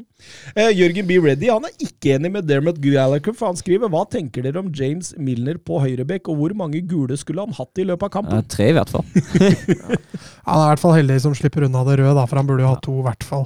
Eh, så eh, Kunne, kunne tatt seg er- Jeg tror det er vanskelig å gi rødt kort til Liverpool-spiller på Anfield i en toppkamp. Ja, men altså det, igjen, Altså, det skal jo ikke skal være ikke si. et argument, nei. Nei, det helt og, altså, og den, den, altså, den mot Forden, ok, greit nok, men den mot Silva i andre, den er soleklar, altså. Mm. Den er, det, er sol, det, er ikke, det er ingen unnskyldning til å ikke gi gult der. Det er helt krise. Men, men, men kampmessig her nå, da. Nå, nå kjører City fullstendig. De, altså, Ja, du er Liverpool fortsatt i første gang, du, Ja, ja, Liverpool er, er nesten litt sånn på tannkjøttet Men- denne perioden. Og ha, igjen, vi, jeg, jeg, jeg, har, jeg tror jeg nevnte nesten hver sending eh, denne sesongen her. Hadde City hatt en midtspiss, hadde de ledet til pausen. Det er jeg nok ganske sikker på, for da hadde et par av de der fra Phil Foden gått tvers over. Men, eh, og det, det kan man si i en sånn kamp, da, fordi Grealish var så anonym. Han kom jo ikke til sin rett i det. Det er først når han kommer litt ut på venstre at han at Så akkurat det, i den kampen her, en nier. Ja. Ta med den rett før, slu, nei, rett før pause der, og når eh, Ederson banker den. Ja, ja, Ja, det får en pass. Den er nydelig. Ja, det, det, bra Alison da, å Ja. komme ut og få, få, få beinet på den der. Eh, og, og da går man til pause med at Liverpool har eh, hatt én avslutning på, mot mål Mm. i løpet av førsteomgangen der. Og vi skal tilbake til Chelsea-kampen deres i 2017 for å finne lignende. Så det er åpenbart at de har slitt, ikke bare defensivt på sin egen høyre side, men også da offensivt. Da, for de skapte jo så å si ingenting. Nei, så snart, så snart City justerte. Så snart City tok ut, eh, tok ut kantspillet, og samt, uten, å, uten å miste kontroll eh, sentralt i banen, da var Liverpool ganske utspilt. Eh, tror du, eh, hvis James Milner hadde vært 22 år, at eh, Klopp hadde tatt den ut i pause? Det kan godt hende. At han kjører på rutinen. Det kan være et godt argument, det. Men allikevel så er jeg litt overraska at han ikke gjør det. Fordi du ser også at City er så bevisst på å spille der. Én ting er å få en midtstopper med gult kort, for du kan alltids bytte plass med han andre, eller whatever. da. Eh, men akkurat den Milner-situasjonen var litt overraska, og du så jo Søren nevnte en, en situasjon i andre omgang der òg. Så fort den kom Nei, nå må vi bytte! Du så Klopp, nå kan vi ikke vente lenger. Ja. Så han, han levde nok på grensa ganske lenge der. Men, men Liverpool kom jo mye bedre ut av det i annen omgang. De, og og, og det, det man først og fremst ser på, da, det er rytme og tempo i når de skal starte opp angrep. At nå tar de seg litt bedre tid. Mm. De, de, de, de senker litt den der sånn at det, altså, Så gir du litt avkall på den der superkontringsfotballen som bare går på klakk, klakk, Ja. ett touch framover. Men samtidig, de klarer å roe ned og senke risikoen i spillet sitt. Og det tror jeg var veldig avgjørende i den fasen her. Ja, og det, men Du ser også avstandene defensivt. Ja. Det blir noe helt annet. men altså det, var, jo- altså det var jo noen av de lange ballene de slo i første omgang, var jo uten mål og mening. Det Ja. ble jo egentlig bare kalka opp. Og håpe at Det var nesten som en klarering. Ja, det var helt sykt. Men altså, helt enig med det Aslan Og så eh, det at, eh, det at Henderson flyttes mye mer ut til høyre for å avlaste og støtte midlene litt, det gir også god avkastning. At man prøver å tette den høyre siden litt grann mer mot banen. Nei, altså, de, jeg syns de justerer avstandene mye bedre. Eh, det er ikke så ofte du ser Liverpool forsvare så trangt og så, så smalt og satse så mye på skyving. Eh, men, men som Søren sier, de måtte jo gjøre noe på høyresida si. Eh, for det var jo der de var der de sleit. De fikk justert dette, og etter det, så, som du sier, Thomas, når de får bygd opp angrepene sine, for da får de flytta ballen, og da får de jo de pusterommene, og de får starta de lengre periodene. og Det, det er et mye bedre Liverpool-lag i andre omgang. Og det for en fotballkamp vi får utover er Fyrverkeri. Er skikkelig gøy. Eh, Jeg spurte dere før, eh, før sending skal vi ta Barcelona Atletico, eller skal vi ta skal, skal vi ta Liverpool City som hovedkamp? Og Søren bare Vi tar det Liverpool City fordi det blir mer underholdende. Og Ja. der fikk du rett. Ja, Det angrer jeg ikke på at jeg sa. Nei, jeg var ikke uenig med deg, men jeg ville jo ha Barcelona av andre grunner. Ja, fordi det, det, det, det blir tap. Det Ja. var man, eh, Ja. Eh, Liverpool tar ledelsen 1-0 etter 58 minutter. Sadio Mané. Det er jo Sala som, eh, som gjør hovedjobben. Uh, drar seg jo fint forbi uh, Cancelo og Ja. slipper han akkurat uh, Her, her er det litt samme frispilling-type Liverpool kontring Liverpool. Altså, de, de varierer jo også, de viser jo det her sånn, men, men det er jo som du sier, da, når de får ned skuldra litt, så er det lettere å finne de gode løsningene, og den forarbeidet til Sala der er jo Det, er, det går fort, altså. Det går fort. Altså Litt synd, eh, fordi jeg er enig med deg at Cancelo var helt strålende i første omgang, men han ødelegger litt for seg sjøl i andre. Han er involvert i begge mål. Ganske kraftig òg. Der får man et eksempel på hva som skjer når det høye presset ikke sitter. Mm. Eh, Da er jo Liverpool livsfarlig, og det, det, det går så fort i lengderetning der. Og, og, og ballen, som dere sier til Salah der, det er jo, det er jo millimeterpresist. Mm. Det, er, det er vanskelig, vanskeligere enn man skulle tro å slå den ballen der. Eh, og, da- og da mm, setter eh, Da er egentlig Pep Guardiola lei eh, Grealish som en falsk nier. Setter inn Stirling som en eh, mer Falsk nier. Nei, han, han, han er mye mer ja. være mye mer truende, da. ja, Han er mye mer direkte inn med løpa sine inn bak. Han er en mer tydelig nier. Mm. Det er ingen tvil om. Mens eh, Klopp svarte rett etterpå med å, å hive ut Diogo Jota for uh, Firmino, for å få litt mer ja, altså litt, litt mer pasningskvalitet oppe der, tenker jeg det var. Er det noen som har stilt deg spørsmål om Jota nå? Nei, det er lenge siden, altså. Ja, det begynner å Ja, bli det lenge siden. lenge siden Ja. nå. Han hadde jo den derre missen. Ja, Den den, den, eh, nevnte ikke, den nevnte ikke Thomas. Det sa jo jeg var overraska at ikke Thomas nevnte den i sendingen i det hele tatt. Må være litt ydmyk òg, Ja, du kan ikke ta ennå, nei. Plutselig kommer et hat trick, og da sitter du der igjen, da. Sitter jeg der, og da, da får jeg spørsmål. Ja, da tro meg! ja, da kommer spørsmålet. Eh, men eh, City har Phil Foden. City har Phil Foden, og strålende gjort av Jesus i Ja, forkant. ta med Jesus der, Ja, eh, Dra seg inn og lett forbi Fabinho. Litt for lett, etter min mening, men uh, for at Foden får seg en score i den kampen, det er velfortjent. Du, begynner du å snu litt på Gabriel Jesus Nei, nå? Nei, eh, jeg, jeg, jo, eller litt. Altså, jeg mener, jeg mener at det, den rollen han får nå, som høyreving, den passer han perfekt. Jeg er overraska hvor god han er i den. Uh, som, altså, han er fortsatt fryktelig ineffektiv som avslutter, men det er ikke så farlig i den rollen han har nå. Så jeg syns Guardiola har gjort det bra å finne en god rolle til ham, og all, all credit til eh, Jesus som har tatt denne rollen så godt. Men når eh, Brasil vant Copa America i 2018 eller 2019, eller hva, det var, da var Jesus høyrekant. Ja. Han Ja, gjorde det bra. Ja, altså det ser ut som Altså Jeg, jeg syns den rollen har Altså det ser mye bedre ut enn, som, enn det noensinne har sett ut som spiss. Altså Var det da eh, Gabriel Jesus, Rikarlison og Firmino, den i 2019? Ja, for Neymar var vel skada, husker Ja, jeg. stemmer 2019. Sommer 2019, stemmer det. Det var da vi starta. Også han Everton Ribeiro. Mm. Han, kom inn, han, Ja. han kom inn som var sånn innbytter underveis. i-. Ja, stemmer, stemmer. Um, ja, eh, Ritik på Twitter han spør bør Phil Foden være i samtalen om en av de beste i ligaen istedenfor en av de beste youngsterne i ligaen. Ja, Han, er jo ikke fast da, på City. Er ikke, bør ikke det være et men Hvem er egentlig fast i Pep Hvem er fast på City? oh, du har et par. Du har de stoppera, dem er ganske safe. Uh, Ja. Laporte og, og Stones de har jo bytta litt i siste. så- Ederson, da! Ja, Ederson er ganske Diaz er ganske men, men, men det er jo dette alle fantasy-podcaster rundt omkring i det ganske strake land eh, driver og diskuterer hver eneste uke når de, når de ser at City har et lett kampprogram. Hvem skal man bruke? Altså, så, så kommer man fram til Kevin De Brøne og Ederson. Og, og Diaz. Men uh, utover det er ikke så mange faste Da. Grealish har jo tatt egentlig en plass nå, da, i Vi får se om ikke den ryker snart ennå. ja, altså, men, men jeg er altså det Foden viser når han er At Han er fortsatt ung, da, så jeg syns fortsatt han varierer litt mye, men toppnivået til Foden altså Han kommer til å bli Nei, vanvittig god, ass. Så jeg syns nesten det er litt for tidlig å nevne han het der oppe ennå, fordi han kommer til å bli bedre. Ja, helt klart. Helt klart. Han, han er eh, Ikke at det er et argument for å ikke nevne den, men, men altså Men Pepe Guardiola har vel sagt at det er det største talentet han noen gang har jobba med, og det sier jo litt Mm. med alle de talentene Pepe Guardiola har jobba med. det er et stort kompliment. Eh, og, og det er vel nå eh, Milner skulle i hvert fall fått sitt andre gule kort Ja, når han sparker ned, eller ja, altså, med bakbeina feller eh, Bernardo Silva ved overlegg. Bakbeina, hvor sitter dem hen på mennesket? Ja, det er vel bak på beina. Det er forbeina. hvor Ja, man, skjønner- setter, ja, han setter en saks ut bakfra der, og, og det, den er viten og vilje, og det er soleklart Ja. gult kort eh, ti av ti dager i uka. Ja, fryktelig svak dømming. Og da er det Liverpool på innfield-bonus.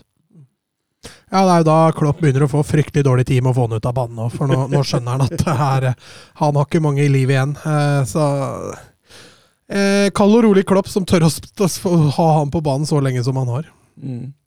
Men eh, før han får bytta ut Milner med Gomez, så er, er det jo faktisk 2-1 til Liverpool med Salah. Og det er ren magi. Det er, det er så sterkt av Salah. Den vel- dragningen han har der, Ja. forbi tre ja, og... Oscar Oskar Cavello Holm spør på Twitter dere må dvele rundt rundt målet. ja det, det kan vi godt. Ja, han, er vel, han, han runder vel fem City-spillere i løpet av det målet der, til slutt. Altså, Motta den ballen feilvendt sånn på denne 16-meteren mot et etablert Manchester City der. Venner av Cancelo tripper forbi både Foden og Silva. eh, Går rett mot Laporte, og så én inn, én ut, og så i lengste. Det er, det er, det er, eh, det, er nesten bare Sala i eh, fotball-Europa som gjør sånne mål. Du, du, du, må nevne Messi og Ja, men han har ikke samme type Kanskje den på Laporte, den kan Messi også. Men den derre dragningen han har, det er ikke sånn typisk Messi. Han- Det er mer kroppsfinter og, Ja. og balanse. Eh, ja, For det er jo såledragning, egentlig. Ja, altså Han drar den til seg med venstrefoten, og så sparker han fra seg igjen med høyrefoten for å dra unna de to beina da, til Foden og Bernardo. Eh, og så har du tyngdepunktet, i tillegg til at han akselererer så fort etterpå at det er ingen City-spillere som rekker å reagere og komme opp inn igjen. Uh, så det er, en, det, er en, det er en oppvisning i kroppsbeherskelse, nærteknikk og fart, først og fremst. Og så har en strålende avslutning med Ja. feil, feil bein. Er det fotballgodteri, Mats? Ja, det, altså, det der er Jeg er mer enig med Søren, med magi, liksom. Mm. Fotball, altså Hadde han ikke scoret, så hadde det vært fotballgodteri! Men så lenge han scorer, da blir det hakket over, altså. Ja, nei, det, det der, der er- det, Altså det, det er sånn at du glemmer at du sitter og ser kampen i reprise, og så bare stopper du ved det målet. Nei, se, se kampen direkte, mener jeg. Altså, Du bare stopper det målet, og så lar du deg liksom bare og så bare Ok, jeg, jeg får se det i fem minutter delay seinere, altså, for dette her må jeg bare se i alle slags vinkler. Og, og, fordi det er så ekstremt høyt nivå. Det er jo ikke Mura de spiller mot. Det er, det er, det er, her er det Cancelo og Foden og Silva og, og Laporte og hele pakka. Og en Ederson i mål som Nei, det, det, det kan bare hylles, og det må hylles hele veien til banken, altså. Ja, nei, Det er lenge siden Salah har hatt et sånt drømmemål nå, så Ja, Han hadde det mot Tottenham på Wembley. Jeg husker det. da Han kom inn ekstremt skrått der. mm. Eh, trylla da òg. Mm. Nei, han har det i seg, Salah. Eh, så det er bare synd han går så langt imellom. Men han, han sparer det i hvert fall til toppoppgjøra, da. Det er jo litt sånn klassisk en, en, en klassespiller. Ja, for er det noe Salah har fått litt kritikk for, så er det jo at han skårer brorparten av måla sine mot de nede på tabellen. Og at han sli, har slitt litt mer mot de aller, aller beste, men her viser han jo at han kan, kan det meste. Um, men det skulle ikke holde. Det skulle ikke holde. Nei, nå begynte jo Guardiola å fyre seg på, på benken òg, etter den med Milner og, og dommerne litt imot. Og, og jeg tror han også lot seg irritere av at Liverpool jubla så sinnssykt mot City-benken når de scora. Og det ser du når City scorer, at eh, Guardiola gjør akkurat det samme. Det er ikke ofte du ser Guardiola så glad, men det er fryktelig gøy når det blir så mye passion i spillet og det rundt at eh, Nei, det er kult. Jeg ler jo voldsomt av Guardiola, fra de dypeste daler til de høyeste topper. Det er, det er, det er engasjement, da. Mm. Helt strålende. Og det er Kevin De Brøne, Søren sin lille favoritt, som Ja, men- setter den der. Altså Når det er sagt, jeg syns Kevin De Bruyne hadde en fryktelig kamp. I hvert fall fram til sånn 60. Ja, Eh, han var svak i første. Jeg syns Ja. han spiller seg opp Ja, veldig ja, andre ja, fra, gang. fra, altså. sånn, fra, til, fra sånn 50-60 syns jeg han blir bedre. Men uh, pasningsfoten var jo ikke på plass i det hele tatt. Men det er veldig fint at han, uh, han får skåre. Men det er litt Kane der. Han spilte Ja, etter EM, ja, han vært litt skada, Ja. litt sånn, sånne ting. Altså det. Ja, ja det, det er klart det tar litt tid. Men uh, hyggelig at han skåra. Men det er jo igjen uh, Phil Forden som har vært der. det er det. Phil Foden som var eh, enorm i den kampen her. og det, det, det er jo Altså, avslutninga det, det står jo ikke tilbake for noe. En fyrverkeri end to end hele veien, og den skal sjansen til Fabinho Ja, det er monstertakling til Rodri. Rodri der, Ja, altså du ser. Altså Det var jævlig kult å se to bilder sånn med sånn veldig kort tid imellom. Hvor du ser første bildet. Da har Fabinho dempa ballen. Det er ikke en City-spiller i en mil Ja, det er ikke så ille, da, men Ja. er ikke i nærheten. Og på neste bilde så ligger Rodri i skuddet. Altså, Det må ha gått så fort, altså. Matchvinnertakling. Ja, helt stående. Og hvem har vi da i 2-2-kampen som uh, banens beste, Søren? Jeg har tre til Phil Forden. Jeg syns han er banens gigant. Uh, til tross for Salah-magi. er det Foden- Altså, for, for, jeg syns Salah er svak når Liverpool er svak i den perioden i første omgang. Jeg syns Forden er god hele kampen. og Derfor jeg velger Forden. Blir også helt avgjørende. To på Salah, uh, som blir helt avgjørende for Liverpool med mål og assist. Og er en god offensiv bidragsyter. Og én til Rodri, som jeg syns er bra på det sentrale. Mats. Ja, jeg har nesten samme. Jeg har tatt uh, Altså, den ene stjerna Altså, de to som- Søren sier, dem er jo sier seg sjøl, men den ene, den, den kunne gått til ganske mange. Eh, jeg lander på Bernardo Silva. Jeg syns han er en liten tryllekunstner. Og uh, han er litt sånn som Salah, da, at han er god når City er god, men han er fryktelig artig å se på. Cancelo kunne godt ha fått den. Jeg syns også tidvis Henderson gjør en strålende jobb. Van Dijk er jo trygg. men Bernardo Silva får den. Det var det jeg falt på. Bernardo Silva på ett poeng. Vi glemte resultattips. Ja, jeg tippa 2-2, da, men det er greit. Jeg kan la den gå. Ja, du gjorde det, ja? Ja, ja oppi vi mitt eget det for deg hode. selv, da. Oppi mitt eget hode. Ja, ja, kan godt hende det hadde blitt tatt innan du Jeg skulle Nei. tippe først, så det hadde Jeg dere og deg. Vi Er vi likt. likt? Er vi ikke det, altså? Jeg tror dere er like. Ja, du har to poeng, og jeg og Mats har ett. Ja, stemmer det. Ja. Her går det unna. Og, og, og Søren visste Ja, han, at vi hadde han har begynt å drøye, han! har gått, gått mot cornerflagget Ja. etter fem minutter. Han. Tok ledelsen på straffe og fikk rødt kort imot, og så har han begynt å drøye alt. Disse kyniske, fæle tyskere. Vet du, det er. Men Liverpool er dermed fortsatt da det eneste laget i Premier League som ikke har tapt denne sesongen. Mm. Det er eh, godt. Eh, vi skal over til La Liga. Ja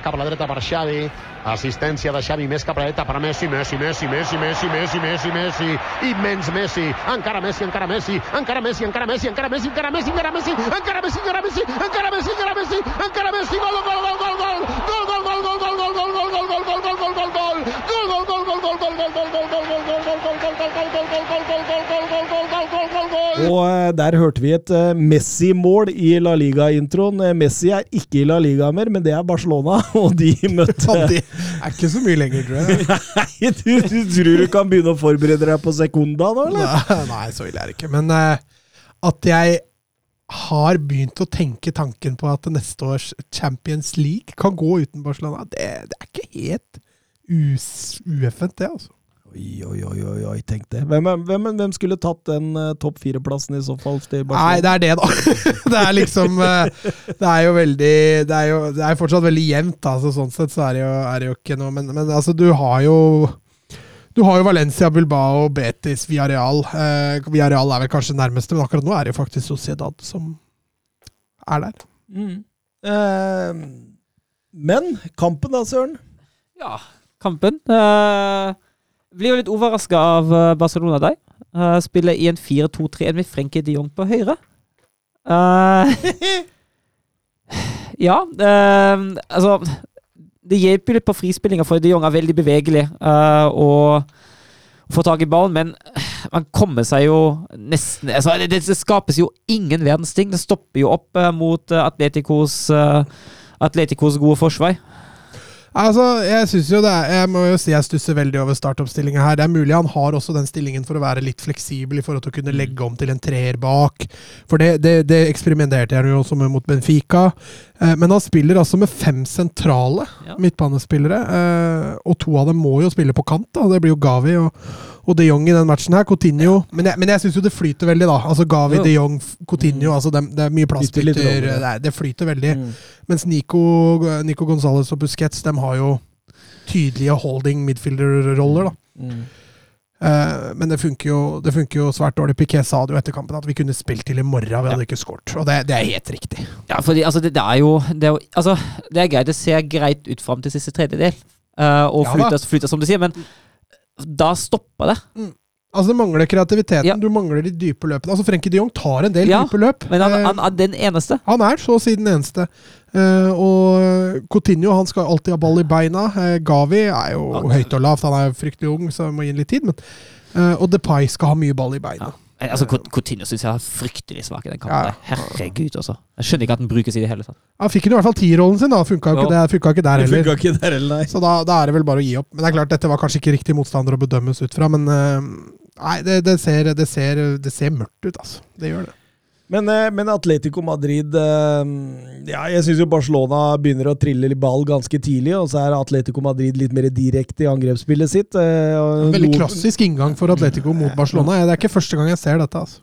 Absolutt, og de får betalt ganske tidlig med Thomas LeMar der. Ja, og det er jo Joe Felix som er sterk der. Eh, nå har vi, har vi kritisert den litt. Jeg synes I den kampen slår han, eh, han godt fra seg og godt tilbake. Jeg syns eh, Felix har en, har en, god kamp. og han Ja, Det er en forsvarslinje der, da, som Ja, altså, det er vel både, både Minguez og Araujo som lar, lar seg dra ut av posisjon. Ja, altså, hele jeg, sida. jeg, jeg, tenkte jo først at, at Minguez og Araujo det, det, er i hvert fall en OK kombinasjon defensivt. da. Ja.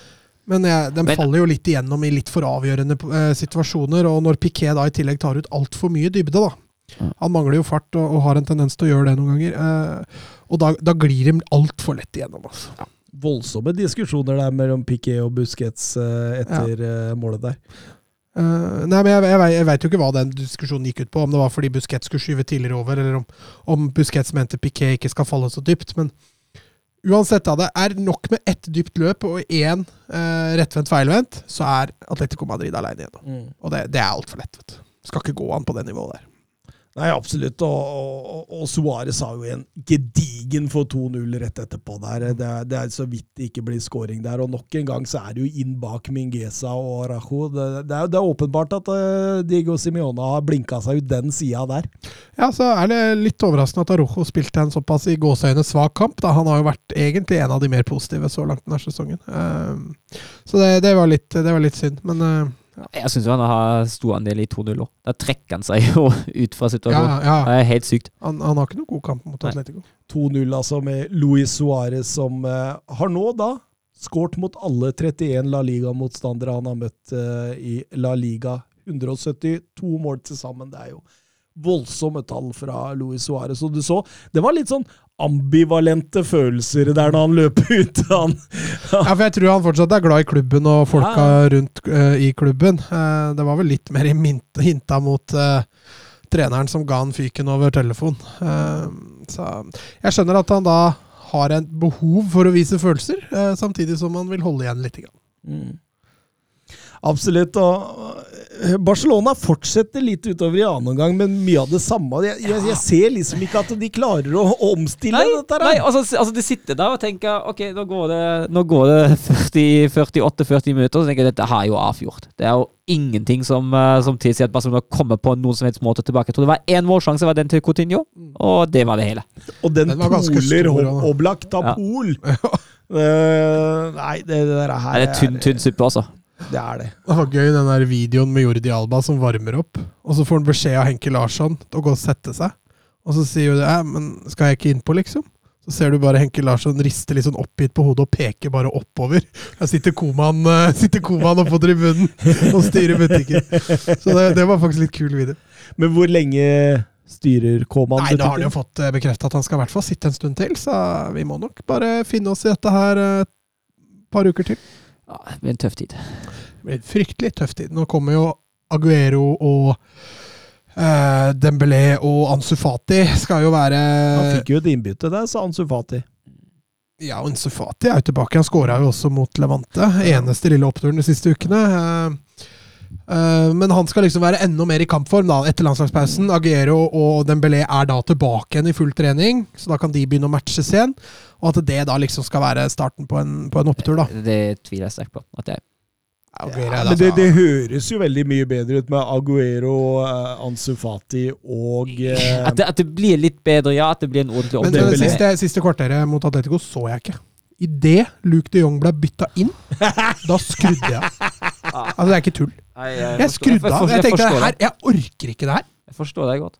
Jonathan Altså, han Hobber jeg, jeg mista litt lyst der. Altså, nå sitter vi med Jeg vet jeg prata om det før, altså, men jeg sitter med de Jong og Braithwaite altså, i Mm. Barcelona. Hvem var? Jeg leste en tweet på Twitter. Jeg husker ikke hvem som skrev den, eh, men det var uh, De Jong er basically som Braithwaite uten løpsvilje og innsats, så han har ingenting, han. Og det er helt riktig! Nei, og så var det sånn der Hva med Fika-kampen? Når han først blokkerer skuddet til Ja, stemmer det! Han står altså i veien for skuddet til Pedri! Han skyller mål i Barcelona. Og så etterpå så brenner han den vanvittig. Jeg tenkte ja, er det mulig, ass? Jeg vet hva, jeg er så glad for at uh, Ronald Koeman er sykt glad i De Jong og ikke kan få dra Vejos. Eller hadde Vejos vært i Barcelona, da? Ja, det hadde kanskje vært bedre.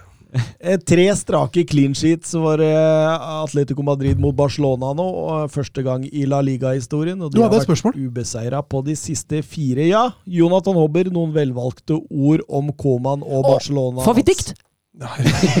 Vi vil ha dikt! Vi vil ha dikt! Det hadde i så fall blitt, uh, blitt noe annet enn et dikt, i hvert fall. Uh, velvalgte ord, ja, det blir ikke velvalgt, men Nei, altså, det er, det er fryktelig slitsomt nå. Jeg syns, uh, jeg syns dette Koman-prosjektet ser mer og mer ferdig ut. Eh, jeg, kan ikke, jeg kan ikke helt skjønne åssen han skal greie å snu dette med det mannskapet han har nå. Eh, samtidig ta han litt i forsvar i form av at han har jo ingenting Han har ingen strenger å spille på. Men eh, når man henter typer som de Jong Jeg tror nesten det er et Koman-kjøp. Ja, det tror jeg òg. For han var jo kjempeglad i De Jong som nederlandsk landslagstrener òg. Ja. Så jeg tror det der er Og det, det viser jo bare da hvor han står hen. Og, og fatter ikke. Jeg håper at eh, Koman snart er ferdig. Jeg tror ikke han er det, men jeg håper det. Xavi, Martinez og Hvem var siste? Ten Hag, var han? Ten Hag. Det var tre trenere, i hvert fall. Så. jo, Pirlo! Som var ganske sterkt linka. Og det er jo ingen tvil om at eh, en Xavi hadde jo vært fryktelig romantisk. Og Men altså, er spørsmålet, i den situasjonen som Barcelona er i nå, ødelegger man ikke litt Xavi, eller? Jeg tenker jo det at hvis man skal greie å snu en trend her nå, for nå er det jo så mye pessimisme rundt Barcelona, både fans, eh, spillere begynner å gnåle litt. Grann.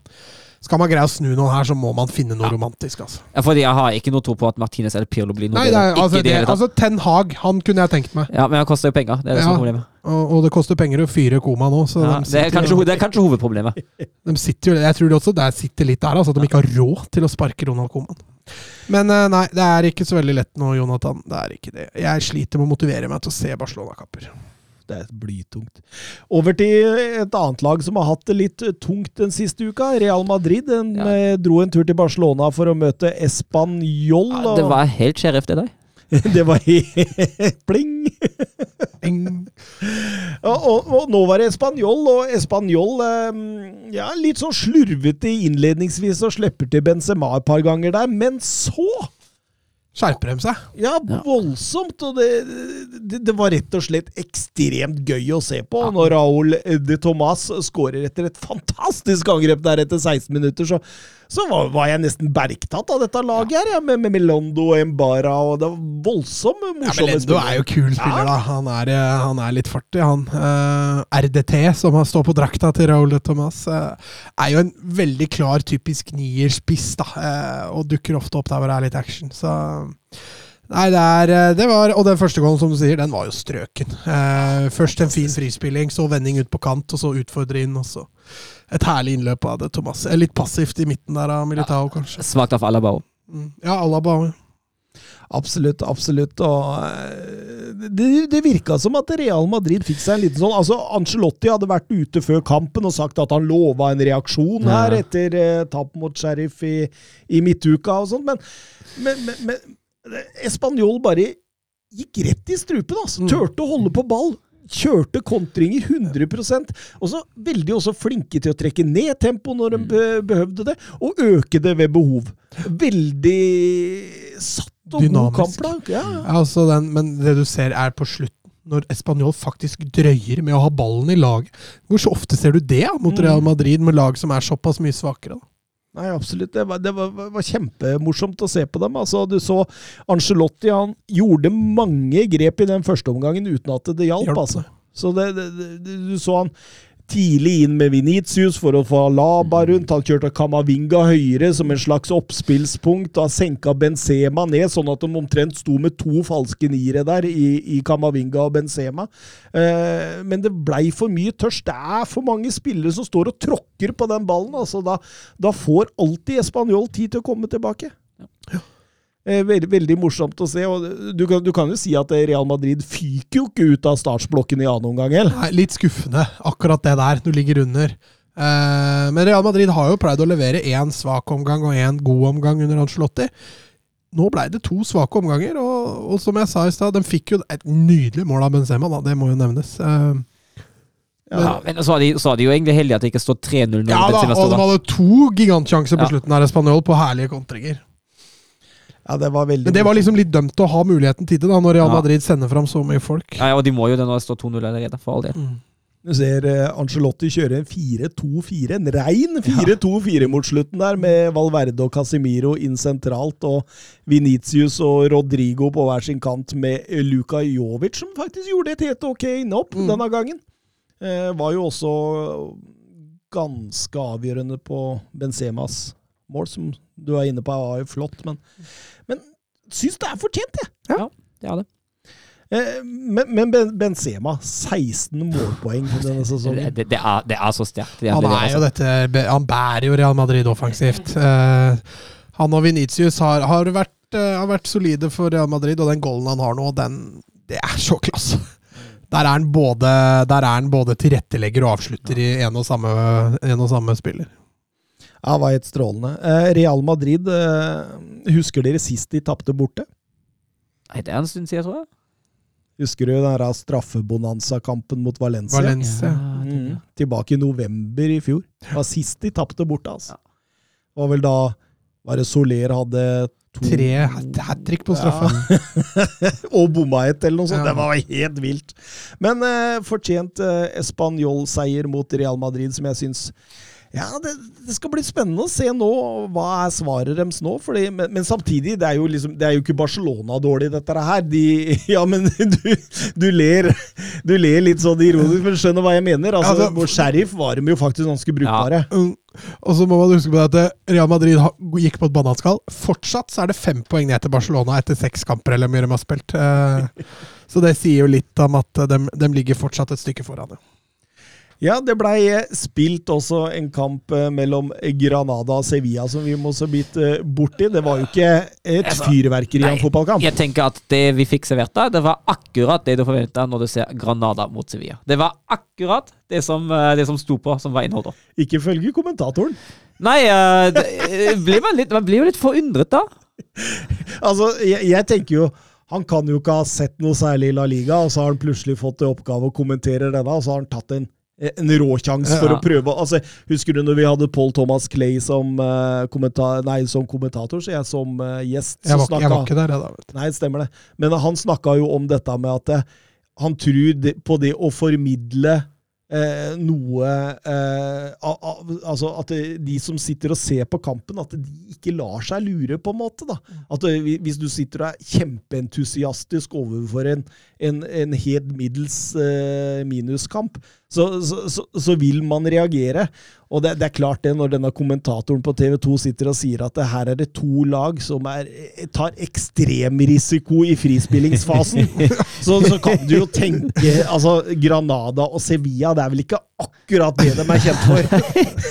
Definitivt ikke. Ja, han tok en råsjanse, ja. Det er nok helt riktig. Jeg tror det, men kampens eneste mål skårer altså av Ruben Rochina. Nok en gang så er det sånn der passivt av Diego Carlos, altså. Ja, men altså, det, det måtte nesten bli et, eh, et sånn type mål i den kampen. Nei, det der, eller dødball. Det måtte bli noe sånt. Det kommer jo, altså, kom jo ut av absolutt ingenting. Var det ikke ettertrykk av en dødball? da? Jo, ja, kanskje. Jo. Eh, og så er det jo et lang, litt, du kaller det et langskudd, hvor han får, får bra treff. Eh, jeg syns jo Sevilla dominerer ellers, men det er klart de skaper jo ikke mange. Skaper ingenting. Nei, men det er jo, altså, det, det- De har han Diego Carlos kommer stupende inn der, Ja. header over. Men det, det eh, er jo, det er jo dødballer, det òg. Altså, jo, det er ettertrykk etter dødballer, Ja. og så har du et par langskudd. Eh, Gomez har vel et langskudd som ikke er så langt unna. Blir hakket bedre når Jesus Navas kommer inn i annen omgang der. Ja. og så får, de, de, de, de bruker veldig mye han. Mm. Altså, har du, du har noen, altså Særlig innlegg mot lengste stolpe. Da fungerer det ikke helt for Granada. Da blir det gjerne litt farlig. Uh, og Sevilla hadde jo muligheten til å utligne for all del, for de får, du får, de får Ja, et par Ocampo, Ocampo sa Ja, det, ja. men det var riktignok død vinkel på bakerste ofte, da, men eh, de, de får liksom noen nesten Ja. gode muligheter der, Ja. og, og Granada skap, går jo fra å skape veldig lite til å skape ingenting utover i kampen. Og så jeg synes jo Sevilla egentlig sånn sett har, har, eh, har kontroll, men eh, når du ligger under 1-0 og ikke klarer å skape det største sjøl, så Da blir det sånn, da. Eh, Jeg tror dette blir liksom banen til Sevilla i år, i forhold til å kunne kjempe om Nå har de jo en hengekamp, Mm. Riktignok mot Barcelona, så det er jo tre poeng rett i banken. Det er ikke bare, ikke bare å dele ut det nå. Men vinner de den, da, så er de jo A-poeng med Real Madrid og Atletico og, og de som ligger i toppen der. Så de er jo allerede ikke så veldig langt unna, men dette har jeg sett liksom litt for ofte med Sevilla. da. Mm. At de snubler i disse kampene. Det er fordi marginene de spiller på, er veldig Små. veldig små ikke Ja, sant? så det handler om for Sevilla da, å bikke disse matchene. Mm. Så er den plutselig helt i toppen der. Ja, absolutt. eh, kan vi ta med at Diego Carlos uh, toppa en svak kamp med et rødt kort. Ja, og da, da koker det mot slutten fullstendig. Var action dice i på overtid. Absolutt. Men eh, ja, som du ser det nå, er Real Madrid eh, favoritt, eller holder du på Atletico? Nei, jeg holder fortsatt Atletico. Men jeg må jo si at jeg syns Real Madrid er litt nærmere enn jeg trodde. Ikke fordi at Real Madrid er så mye bedre enn jeg trodde, men fordi Atletico så langt har vært litt svakere enn jeg trodde de skulle være. Og så avslører eh, Real Madrid seg defensivt eh, virkelig i denne runden, syns jeg. Det er, Ja, ja. Begge måla til Spanjol der er jo Altså, det- er ikke mål man skal slippe inn. Nei, og, du, og så ser man jo Real Madrid defensivt har ikke så mange strenger å spille på. Nei. Så det hjelper liksom ikke at eh, Altså, når du kjører Alaba og Edre Militao da, på stopperen, så er det ratt de to beste stoppera de har. Ja. Um, og da Vasques på ene bekken, Nacho på andre bekken. Og der er jo Carvahall har jo vært skadeplaga nå i snart to år, så jeg tror ikke de skal belage seg så mye på han heller. Og så har du jo da en Marcelo Mendy som kan komme inn, da, men det er, eh, det er som du sier. De har eh, den beste plassen defensivt, er egentlig Courtois. Ja. Alaba, da. Skal ikke glemme han. Det er uh, godt uh, observert, uh, Mats Granvold. Vi setter kursen videre til Bundesliga. Er macht ein richtig gutes Spiel. Jan Schimonek. Die Wolfsburger lassen so gut wie nichts zu. Grafit. Grafit gegen Lell. Jetzt wird's eine Demütigung. Guckt euch das an. Bist du verrückt? Bist du verrückt? Tor des Jahres. Die Bayern der Lächerlichkeit preisgegeben. Ja, da er vi tilbake fra introen Søren elsker. det er Favorittintroen min. Det er favorittintroen din. eh, Mats sin kommer litt seinere med Tor Håkon, men eh, Men vi skal over til noe bedre enn Tor Håkon, altså Dortmund mot Augsburg. Og det, Erling Braut Haaland fortsatt ute. Ja, og det merkes hos Dortmund, syns jeg. Um, altså, jeg syns jo Dortmund har, har god kontroll uh, fra start. Er jo det klart førende laget mot et Augsburg-lag som ønsker å, å gå på kontring. Uh, det jeg syns Dortmund mangler litt i den kampen der, uh, det er egentlig det som de var så gode på før, å skape alternativer på kant og finne vendingene og alt det der, det syns jeg er litt svakere nå. Det mangler litt løp. Det er liksom ikke helt, ikke helt mange alternativer for en ballfører når ballen er ute på kant. Eh, det mangler de vendingene vi har, vi har sett før. Dortmund angriper veldig mye via høyre og avslutter også veldig mye via høyre. Uh, Brandt gjør riktignok en uh, god kamp, etter min mening, men altså, det er et eller annet i det angrepsspillet da som mangler. Helt klart. eh, det, og det er jo sikkert en Haaland. det Ja, altså, det, det kunne ha hjulpet, tenker jeg. Eh, Det er klart det. Tar du Lewandowski ut av Bayern, så Ja. mangler det jo et eller annet der òg. Ja, absolutt. Men, men, men eh, samtidig, altså De får jo tidlig straffespark der. Ja, eh, Fryktelig klønete av Riveleo. Absolutt, som tråkker på hælen der og tråkker av skoene til Malen. Malen som var faktisk ganske bra. Ja, jeg jeg. synes det. Men og Gureiro setter, og du får jo 1-0 ganske tidlig, og du tenker jo da at uh, dette her går jo veien. Uh, men, men samtidig så er altså Augsburg de, de, de, de, står jo for en sånn slags gjenvinning, høy kontring, og, og, og, det- og det vil alltid bli farlig med de forsvarsspillere som man finner i Ja, Dortmund. altså, altså syns jeg gegenpressing til Dortmund i den kampen er ikke all verdens heller. Jeg syns det er noen situasjoner den offensive markeringen ikke er så god som vi kjenner under Dortmund og særlig under Rose, egentlig. Eh, som den skal være. Jeg syns altså deg av den periode da Kanskje særlig mellom eh, mellom scoringen og litt sånn 25-30, og så syns jeg egentlig de får litt sånn god kontroll rundt 30, og så får de egentlig målet i sekken litt ut av ingenting. Ja, for det, det er liksom i den beste perioden Ja. til, til Dortmund, hvor uh, Sekiri setter eh, 1-1 der. uh, Brighton utlånte Sveitseren, Ja. som, som skårer der. etter at Arne Maier- da. Ja, Men Arne Maier sitt skudd der Ja, ja, det det er jo klasse. det er. Eh, banker inn. Men altså, den hadde jo ikke landa hos Sikiri hvis ikke han hadde truffet kobbel i ryggen på vei tilbake igjen. Så det er mye, det er mye flyt der også, da, hvis du skjønner hva jeg mener. Og, og da blir det 1-1 til pause, tross Dortmund-dominans. Og, og, og, og Augsburg kommer jo ut! ja Augsburg kommer ut i 100, Ja. og Dortmund skjønner ikke hva som foregår. Nei, altså, det, det er trøkk, høyt press, eh, energi. De, de tar fighten og sånt. Og så, og så skjer det motsatte i annen omgang. At det, i Augsburg sin beste periode, mm. så skårer Dortmund. Og det er en gjenvinning etter gjenvinning. Ja, det er jo. Augsburg som gjenvinner, og så gjenvinner Dortmund igjen. Og da, da er Augsburg eh, litt ute av posisjon tidlig i banen, og så spiller Dortmund seg på, på, på et overtall og strålende angrep. Ja, Så tror jeg det skuddet kom litt overraskende. Ja, det tror jeg. Og det er eh, Julian Brandt som skårer. Han har nå to på fire under er, eh, han har tre på 31 tidligere, så Ja, eh, Brandt har jo gått veldig opp og ned i, i Dortmund-perioden. Og er egentlig et sånn Altså han, Det er et løfte som aldri ble holdt. Da Han kom, han kom jo for 25 millioner euro for Leverkosen. Jeg tror i Leverkosen lå han, hvis du ser mål og assist, målpoeng, lå han på sånn 0,43 per kamp. Nå ligger han på 0,3, så det er, han klart, eh, altså det er klart dårligere, og det i et lag som egentlig er bedre. Jeg meldte vel han som årets kjøp i 2020. Det tar litt tid, men det kommer nå. Van Dahl spør på Twitter Råse fått Brandt i gang, eller terningkast på Brandts eh, Dortmund-karriere så langt? Ja, det, er, karriere! altså, det, er, det, blir ganske lavt. det er tre maks, altså. Ja, det er maks tre. Ja. Husker vi hylla det når han ble ja, ja. ja, Ja. Jeg, meldte, ja, jeg husker jeg meldte det som årets kjøp, ja. Mm. Men eh, de siste kampene, Ja. så syns jeg nå begynner å Ja, ja, jeg syns det blir noe lignende nå, altså. Greier man å etablere han der, Ja. så begynner det å se bra ut. Men det er jo liksom det, altså Brann har, jo- har jo levert voldsomt gode kamper før, men bare ikke på konstant høyt nivå. Det er liksom det som har, som har problemet. Mm. Han har variert ekstremt. Men så, så, så kommer han jo inn i en svært rotende, rotete, men ekstremt morsom periode. Da. Det, her er jo Dortmund, ikke sant. De, de, de klarer på en måte ikke å bare sikre og seile kampen. Det, det, det går jo fullstendig bananas der fra ene enden til den andre. Jeg syns Augsburg spiller noe av det bedre jeg har sett dem på lenge. Ja, ja, er helt enig. Det ser, det ser bra ut. Og sa- Særlig det pressvillet til Augsburg syns jeg er veldig bra.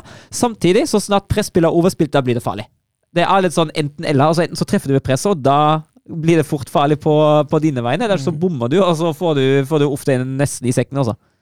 så satt jeg og tenkte at eh, her trenger Augsburg en litt eh, En spiller med smartere bevegelser på topp enn Cordova. Og så kommer jo faktisk Jensen inn, denne finnen, som faktisk står for mye av det med smarte bevegelser og sånt, men kanskje ikke har det helt store sluttproduktet ennå. Nei, det er litt det- der det ligger. Eh, Men, men, men, men totalt sett, det må jo sies at det var fortjent. Ja, jeg syns det er fortjent seier til Dortmund. Jeg syns jo Dortmund eh, er, er best, men vi har jo vi snakka om det før, og at Dortmund, Dortmund klarer jo ikke å kontrollere inn en kamp, som du har vært inne på. Det, det, det, er helt sinnssykt. Og en corner kan jo fort ende i Ja, det er altså corner er jo altså. Defensivt dødball er jo helt katastrofe. ja. Er jo helt kaos. Det er litt kjedeligere å se Dortmund uten Haaland. Det er det. Det er det. Du gleder deg ikke så mye. Men det ser du studio i Viasat. ja, da, da, har de, da, har de, da har de ikke studio, da! Eh, Siste tap på Signula, Signal Iduna Park var tilbake i 3. april. Det er ganske vilt. Ja, er Så den, den, han har jo funnet en hjemmeform der som han har transportert videre fra Terzic.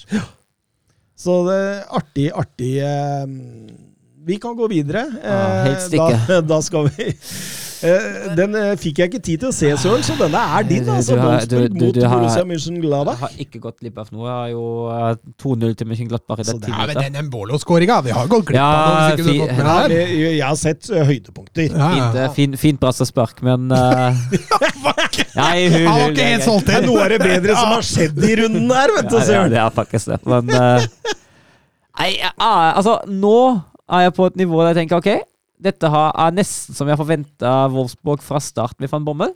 Eh, bare at jeg hadde forventa at vi var offensivt litt bedre. Men eh, det, det, akkurat nå er vi på det defensive kaoset som jeg forventa under Mark van Bommel. Mm. Men uh, nå går det litt Bosch-style her, altså. Nå har det kommet, altså. Nå er det, nå, Ja, ja, altså, jeg, nå, jeg lurer på om, om den stabiliteten Wolfsburg viste før. uh, altså, Greit, mot Sevilla midtuka var det jo stabilt fram til dommeren eller hva bestemte seg for at nei, nå fortjener Wolfsburg å få en, uh, få en i kassa her. um, men det var, det, det var jo noen tendenser mot Hoffenheim også, og, jeg, og mot Lill. Det var jo helt katastrofe. Uh, og jeg syns nå altså Jeg begynner å lure på om den stabiliteten som man har sett i startfasen av sesongen, hang litt igjen etter glasene. ja, ok. ja, ja, sånn Litt, litt, litt sånn Steve Bruce uh, Benitez, bare at der har du hengt igjen mye lenger. Ja, men altså, fordi nå, altså nå altså Hvis du ser mot Mönchenglattberg hvor mye bakom det er, hvor mye usammenheng det er altså, greit, Du kan snakke veldig mye feil plassering av uh, Bono, eh, men jeg syns jo de eh, i pausen De um, average positions som de viste i grafikken, det viste egentlig problemet veldig tydelig, fordi bekkene sto veldig høyt. Og så var det ingen som hjalp dem på kant i det defensive. Så sto bekkene igjen én mot to. Uh, og ga fra seg mye bakrom. Altså, klart at man må høyere når man, uh, når man ligger unna med 2-0 etter ti minutter. Men det defensive spillet der, eller fraværet av en defensiv ordning, altså det er grunn til bekymring, altså. Mats, Wiere du si noen ord om eh, 2-0-skåringene? Eh, den der keeperspillet, er det det du mener? Ja, Ja. Nei, han er litt ute og sykler der, han eh, favoritten til Ja. ja. Dupker. Og Hoffmann får en eh, lett jobb når han bare kan eh, tuppe den forbi og løpe rundt og sette den i den åpne muren. Det er en av de tingene Søren alltid har hatt, at han gjør nesten ikke tabber. Nei, Men gjør- det der, Søren det var fryktelig. Det er katastrofe. Helt enig. Men han, han gjør jo nesten ikke tabber. Det var mot Bayern da han hadde, hadde en stygg en nå. Men eh, han er jo egentlig en veldig stabil keeper, men det der var ikke helt bra. Det er jeg helt enig i. Vi kan ta med den luka i forkant av Waldschmidt-skåringa. Ja, ja. Ja, bakover. fin. Ja, men- den var, den den var- var, den den var herlig. overlegg. Du ser Ja. han sikter, og vi tar den igjen på andre sida. Den Den er herlig, men altså, da, da sliter jeg altså, fordi det er, altså, At skåringa kommer, ja, det er bra av Bako, men alt annet er jo rene tilfeldigheter. Og det er litt sånn Wolfsburg uh, har jo vært inne på det før. At det angrepsspillet Wolfsburg akkurat nå under van Bommel eh, altså Greit, du skal ha mye possession, du skal, Men det er positivt at de er mange i boksen, da. Ja. Når det skuddet går, så har de jo tre mann. Jo, men det er jo, det er jo det som er greia. At du har mange i boksen, og så prøver du å få et eller annet innlegg, og så bommer jo Mbabo på Ja, da, det var ikke bra- Han det var ikke bommer bra skudd. på samtlige innlegg uh, han har. Uh, og så jeg, jeg, jeg savner litt sånn, litt sånn en annen plan enn vi får den ut på kant. Sette vingene, sette vingene inn i boksen og, og slå den inn, da. Ja. I hvert fall når du har Vegård som ikke skårer mål lenger heller. Ja, han, ja. Eh, det er tungt nå. Altså, altså, jeg er ikke fornøyd med de byttene han gjør i pausen. Altså, greit, Brooks for Bono, fair enough, men Gila Vogino som nesten ikke traff på en eneste passing, at han får fortsette, at han ikke flytta Gerhard opp sentralt. eh, og at han da bytta, bytta hele Gerhard ut. Og flyt, altså At han bytta inn Rosillon, det er riktig. Det mener jeg er fint, fordi fra venstre side kom det jo ingenting fra Bekkendai. Men han må bytte ut Gila Vogi. Og Gila Vogi er jo hovedårsaken til at Loacroix lager straffe i andre omgang og får sitt andre gule. Fordi det er han som mister ballen nok én gang for 15. gang i den kampen der. Men der er Castells bra. Ja, at, at, altså Straffen er svak, men at den holder han fast, at den har fast grep på det, det er sterkt. Altså, altså Vi har jo snakka om den typen til Gilavogi, da. Vi har jo snakket litt om den typen defensiv midtbanespiller før. fordi han er, altså Van Bommel vil spille possession-fotball. Van Bommel vil at laget skal kontrollere kampen, vil at laget skal spille ball. og så bruker du Gilavogi i hver eneste bidige kamp, altså. Men de savner slager, vet du. Ja, de de, de, de, gjør det. Gerhard- du ser det på eh, hele spillet Ja. til Wolfsburg. Men Gerhard er jo mye mer slagertype enn Gilavogi. Da må du bruke Gerhard, den som kommer nærmest spille deg. Ja, jeg er for så vidt enig med deg. Gerhard har jo vært brukbar eh, de kampene jeg har sett den. Eh, Joe Scally setter eh, 1-3 på eh, Morsom spiller, Ja, altså. veldig morsom spiller. Altså, det, er jo, det er jo greit, Wolfsburg må jo opp med enda mindre. Uh, og hyggelig for ham at det er han som skårer. Og dermed blei helga til Søren ødelagt. Ja, og så var det jo en eh, LSK-kamp som starta ca. tre kvarter etter at den der var ferdig. Så, og, så, og så var det jo Barcelona på kvelden, så det ble jo trippeltap på lørdag. Den var tung. Den var, Den den var tung. Den var fin. Mens Edvardsen satt og jubla over Tottenham-seier i, i, i Nittedal, Mats. Ja, Men du gråt litt over fugla, du, da? Eller står det kanskje ikke? Jeg fikk ikke sett det. Jeg, jeg prioriterer ikke, rett og slett. Jeg orker ikke. Nei, den fugla-matchen var sliten. Skal vi ta den nå, eller? Nei, vi, vi, vi går over til Leipzig mot Bochum, fordi eh, Jesse Mars eh, prøvde en sånn 3-4-3-formasjon for første gang eh, i, i hvert fall i RB Leipzig-perioden. Og det betyr jo at eh, Mars fortsatt leiter litt, da, Søren. Ja, han gjør det. Uh, kommer jo også fra et tap mot eh, Brygge i Champions League. Ja, den var tøff. Den var tøff. Ja. Eh, mens- har starta frist. Mm. Brygga Ja, starta ja, frist. eh, eh, poeng mot, eh, mot eh, PSG og seier mot Leipzig, det er, det Ja, er det gode resultater, altså. Ja, så det, det brenner litt på dass for de to klubba. da. Ja, PSG klarer det vel, men eh, Ja, for Leipzig, Leipzig, brenner, Leipzig begynner å bli tungt, altså. Det, hvis, ja, det kan til og med bli tungt med tanke på Europa League, hvis man fortsetter sånn, da.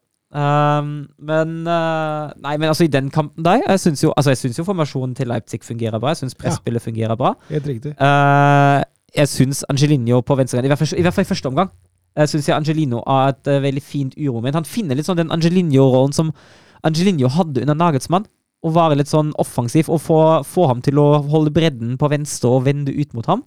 Så skal det sies at Bochum, dette er Paderborn og Norwich, dette er kun plan A. Det er det samme som mot Bayern. Det er høyt og naivt i press. Leipzig er et lag som har vist at de sliter mot dyptliggende forsvar.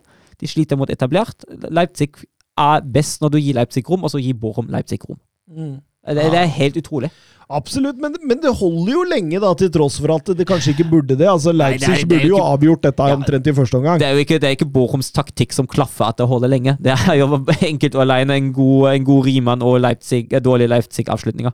Mm, absolutt. Og, men, men du ser etter 65 minutter der, så så jo Jesse Mars sammen med trenerteamet i sånne heftige diskusjoner, for de blir litt sånn hva skal vi gjøre? Vi har jo gjort nok, men hva skal vi gjøre nå, liksom? Og, svaret blir jo André Silva og Dominic Saboslai, og det må jo sies å være et ålreit Ja, det var et ålreit bytte. Jeg tenkte jo jeg tenkte litt etter første omgang at ok, nå står det 0-0, men hvis Leipzig bare fortsetter å spille sånn Jeg trenger egentlig ikke å ta så mange grep her for å spille av bra. Dette har kommet til å løse seg.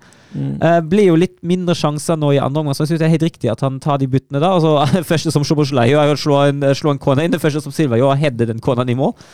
Det er dobbeltbytte, Mats. Ja, men den corneren nå ah. Han altså, en, Han får et så deng han i, det, i den ballen når han slår, at uh, han har et vanvittig touch på ballen. Ja, et tilslag ja, som Ja. er helt rått. Og han treffer jo der han sikter òg. Det er klart, da blir det farlig. Og det var deilig for Silva òg, tror jeg. Ja, det tror jeg. Det, det, det trengte han.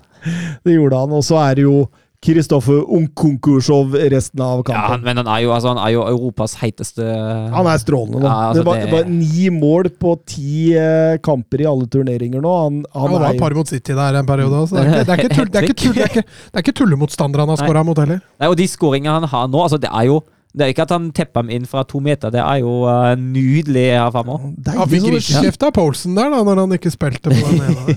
Men så deilig skipper og sånt. Ja. Og, og André Silva synes jeg var jo, øh, gjorde jo mer i de 21 minuttene han spilte her, enn han har gjort i hele tidligere karrieren sin i, i RB Leipzig. Ser jo, ser jo så plutselig ut som Ok, det var spissen de savna etter, eh, etter Timo Werner. Mm.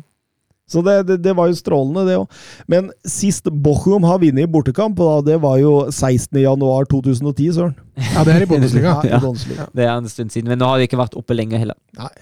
Jeg så bare på Oppda, skjønner du. Ja, det er, det er lenge siden de har vært oppe. Ja, det var sist de var oppe, sikkert. Ja, det var nok det. Jeg tror de rykka sikkert nok mer ned brutalt der, og så har de ikke vært oppe på ti år.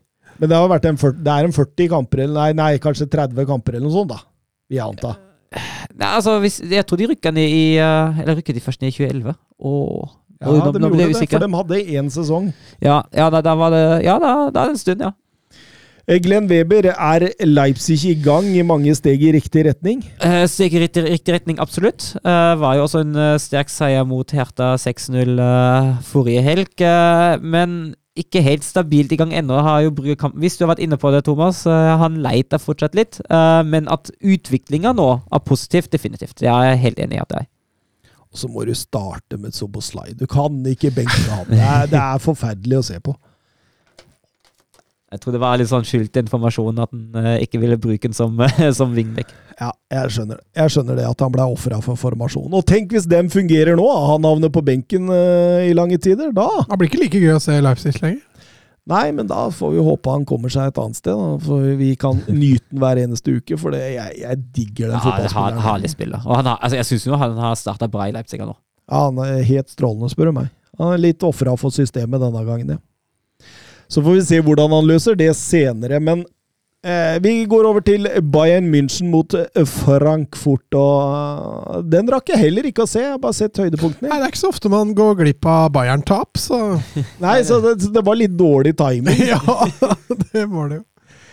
Ja, nei, altså Frankfurt legger seg jo veldig dypt uh, fra starten av. Og det er jo egentlig det motsatte av det Glasner gjorde med Wolfsburg i, uh, når han var på besøk i München. For da var han ganske modig og høytpressende og aggressiv. Eh, Men det blir jo litt straffa for òg, da. Ja, altså den, den siste kampen borte mot Bayern som han hadde, da tapte Wolfsburg 2-1 i en knepen kamp som kunne ha faktisk vippa Ja, nå, nå tenker jeg på den kampen her. Å, ja, ja. at de legger seg så dypt, liksom. Ja, ja, ja. For all del. Eh, det, er jo, altså, det er jo Bayern som, eh, som styrer, og Bayern får alle penger. Og Bayern begynner jo ganske tidlig å skape store sjanser også.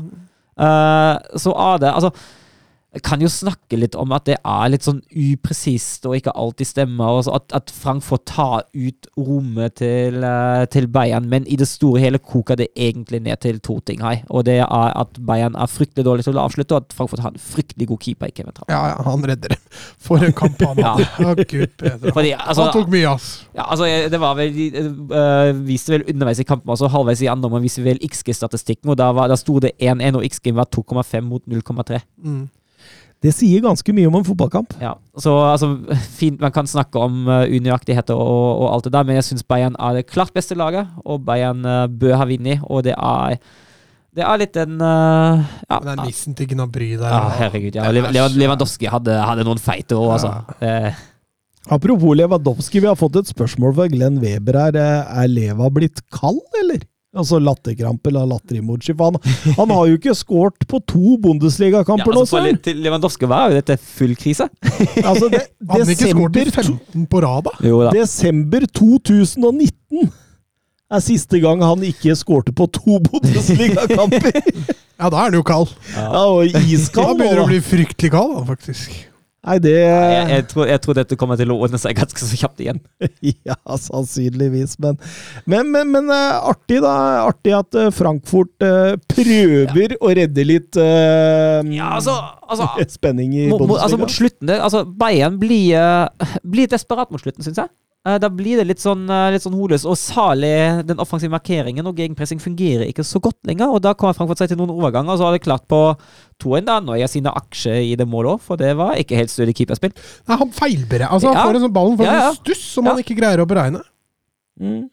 Nei, det er artig, artig, eh, spennende. Ah, Vi, vi tar jo mot alle Bayern-poeng. Eh, ja, ja, tap. Poengtap var det jeg skulle fram til her.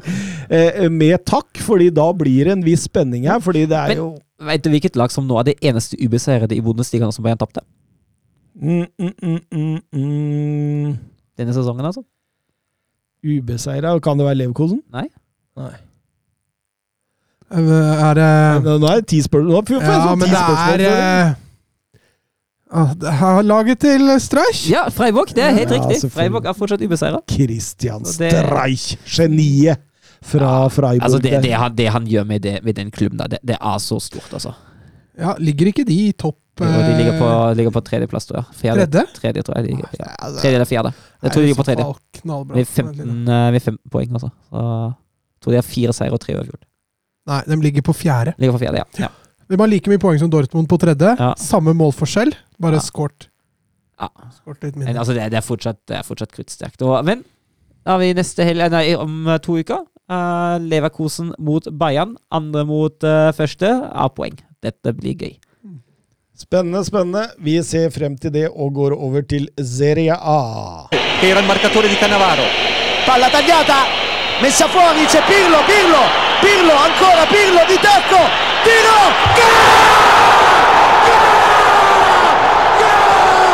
Grosso, Grosso, Gol di Grosso, Gol di Da Grosso! skal vi først innom eh, Torino-derbyet mellom Torino og Juventus. og Juve har kun tapt én av de siste 20 i dette derbyet, så det var, var jo åpenbart eh, ganske store favoritter, Søren. Ja, og jeg syns jo de uh... Og så har de jo ikke, de har jo ikke tapt på fem kamper, da. De begynner å komme seg i Ja. form. Ja, og jeg syns jo de oppfyller den favorittrollen nå. At ikke Juventus leder til pausen. Det er et lite mirakel med de sjansene de hadde. Altså, særlig McK altså at McKenny klarer å, å bomme på. Ja, men den Alexandro Ja, den, er ja, ja, ja. den er gigantisk. Den er jo, er jo helt sykt. Så jeg syns jo Juventus absolutt innfrir den favorittrollen og favorittstempelet som de får. Jeg syns Juventus uh, ikke, altså ikke bare med tanke på resultatene, men altså spillemessig for den kampen her kommer seg litt tilbake, altså.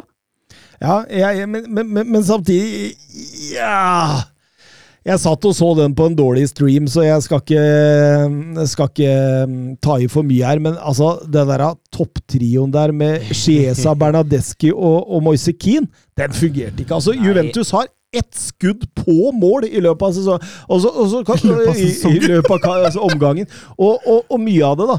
Altså, det så, Som Søren er inne på, de, de skaper jo noen sjanser, men det, det går jo i sjuende Ja, Det og, og overalt. Og men, syns det Han må innpå med eh, Når han kjører bytte til annen omgang med Codrado inn for Keane, og kjører Skjesa på topp, der ligger mye av nøkkelen. For Mm. da får han den der toppbevegelsen, og så er de flinkere til å følge etter deg med Alexandro og Codrado på hver sin uh, bekk. Og synes ting blir Det blir mye mer edge offensivt etter det. Ja, men altså, Mois, at, altså Jeg syns jo Moise Keane er et svakt punkt generelt i Juventus-laget, altså. Han, han, han, er, altså, han er ikke god, Mats. Nei, han er falt fullstendig Husker vi du prata han opp for et par, et par år siden. Ja, men det, det var jo en periode der når han slo igjennom for første, i første periode av Juventus, hvor du tenkte at eh, Fart og teknikk og ferdigheter, ja. Men dette er en spiller PSG ville beholde. Jeg fatter ikke hva de ser i han der. der altså. Jeg syns Locatelli òg. Han bidrar mye bedre i andre omgang. Ja, og Lucatelli er jo en strålende spiller, det ser du jo. fordi altså, de sliter mye i det sentrale der. altså Rabiot McKenny, eh, Rabiot spesielt, nei, han er heller ikke noe særlig god. Ja, og, og, og, og på mange måter så utover i annen omgang så føler du det at eh, dette blir 0-0, og, så- og så dukker Lucatelli opp der. og... Ja, altså, det er ikke, det er ikke ferdigskåra, den golden der. Det er et fint, fint plassert skudd, så Jeg tenkte det var ganske likt Høibjerg Ja, sitt. jeg er helt enig. At han bare køler den inn der, stolpe inn der og Det er jo en sliteseier, men på, på mange måter også er det mye bedre enn Torino. Eh, Forresten, eh, Brekkalo var eh, ekstremt svak. Ja, vet du hva? Jeg, sagt, altså, at, vi, at vi har kvittet oss med ham nå, etter det han, opp, etter det han oppførte seg som i sommer, og at han da ville gå neste karriere, karrieresteg, og så blir neste karrieresteg ikke Champions League, men Torino. Det var sånn, ok. Det er faktisk helt greit. Dette var eh, Juventus eh, første clean sheet på sju måneder i Serie A. Altså Sist var eh, 3-0-seier mot Spezia for 20 kamper siden. Ja, Chesney fikk vel ingen anledning til å gjøre tabbe denne gangen? Nei, for det, ble, det kom ikke så mye på den. Det kan du trygt si. Um, det kommer til å bli flere nuller framover nå. Ja.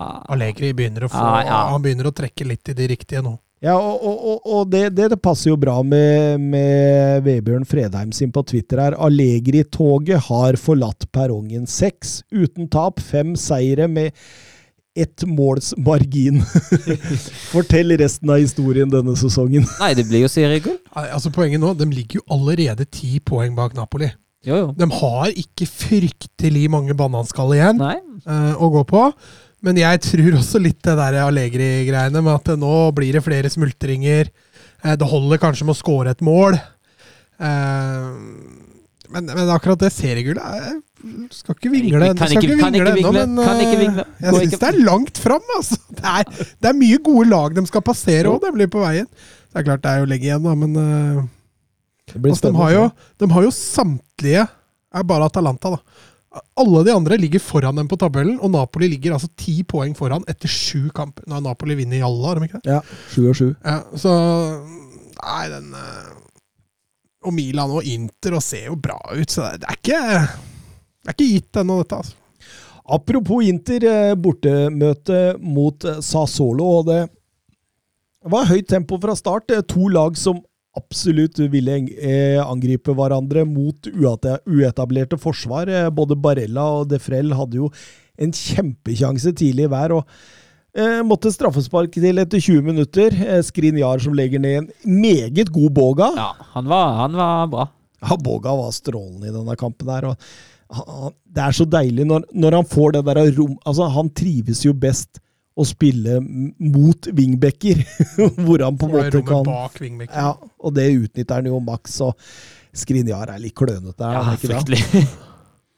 Ja, og- EM-helten Berardi setter eh, 1-0. Eh, Handanovic går riktig vei, men eh, nådeløst der. Um, tredje kamp på rad, faktisk, hvor Inter kommer under, eh, men eh, reiser seg fordi eh, eh, det- har gått litt i stå. De har, de har litt problemer utover i matchen her. Eh, Sassolo er fullt på høyde.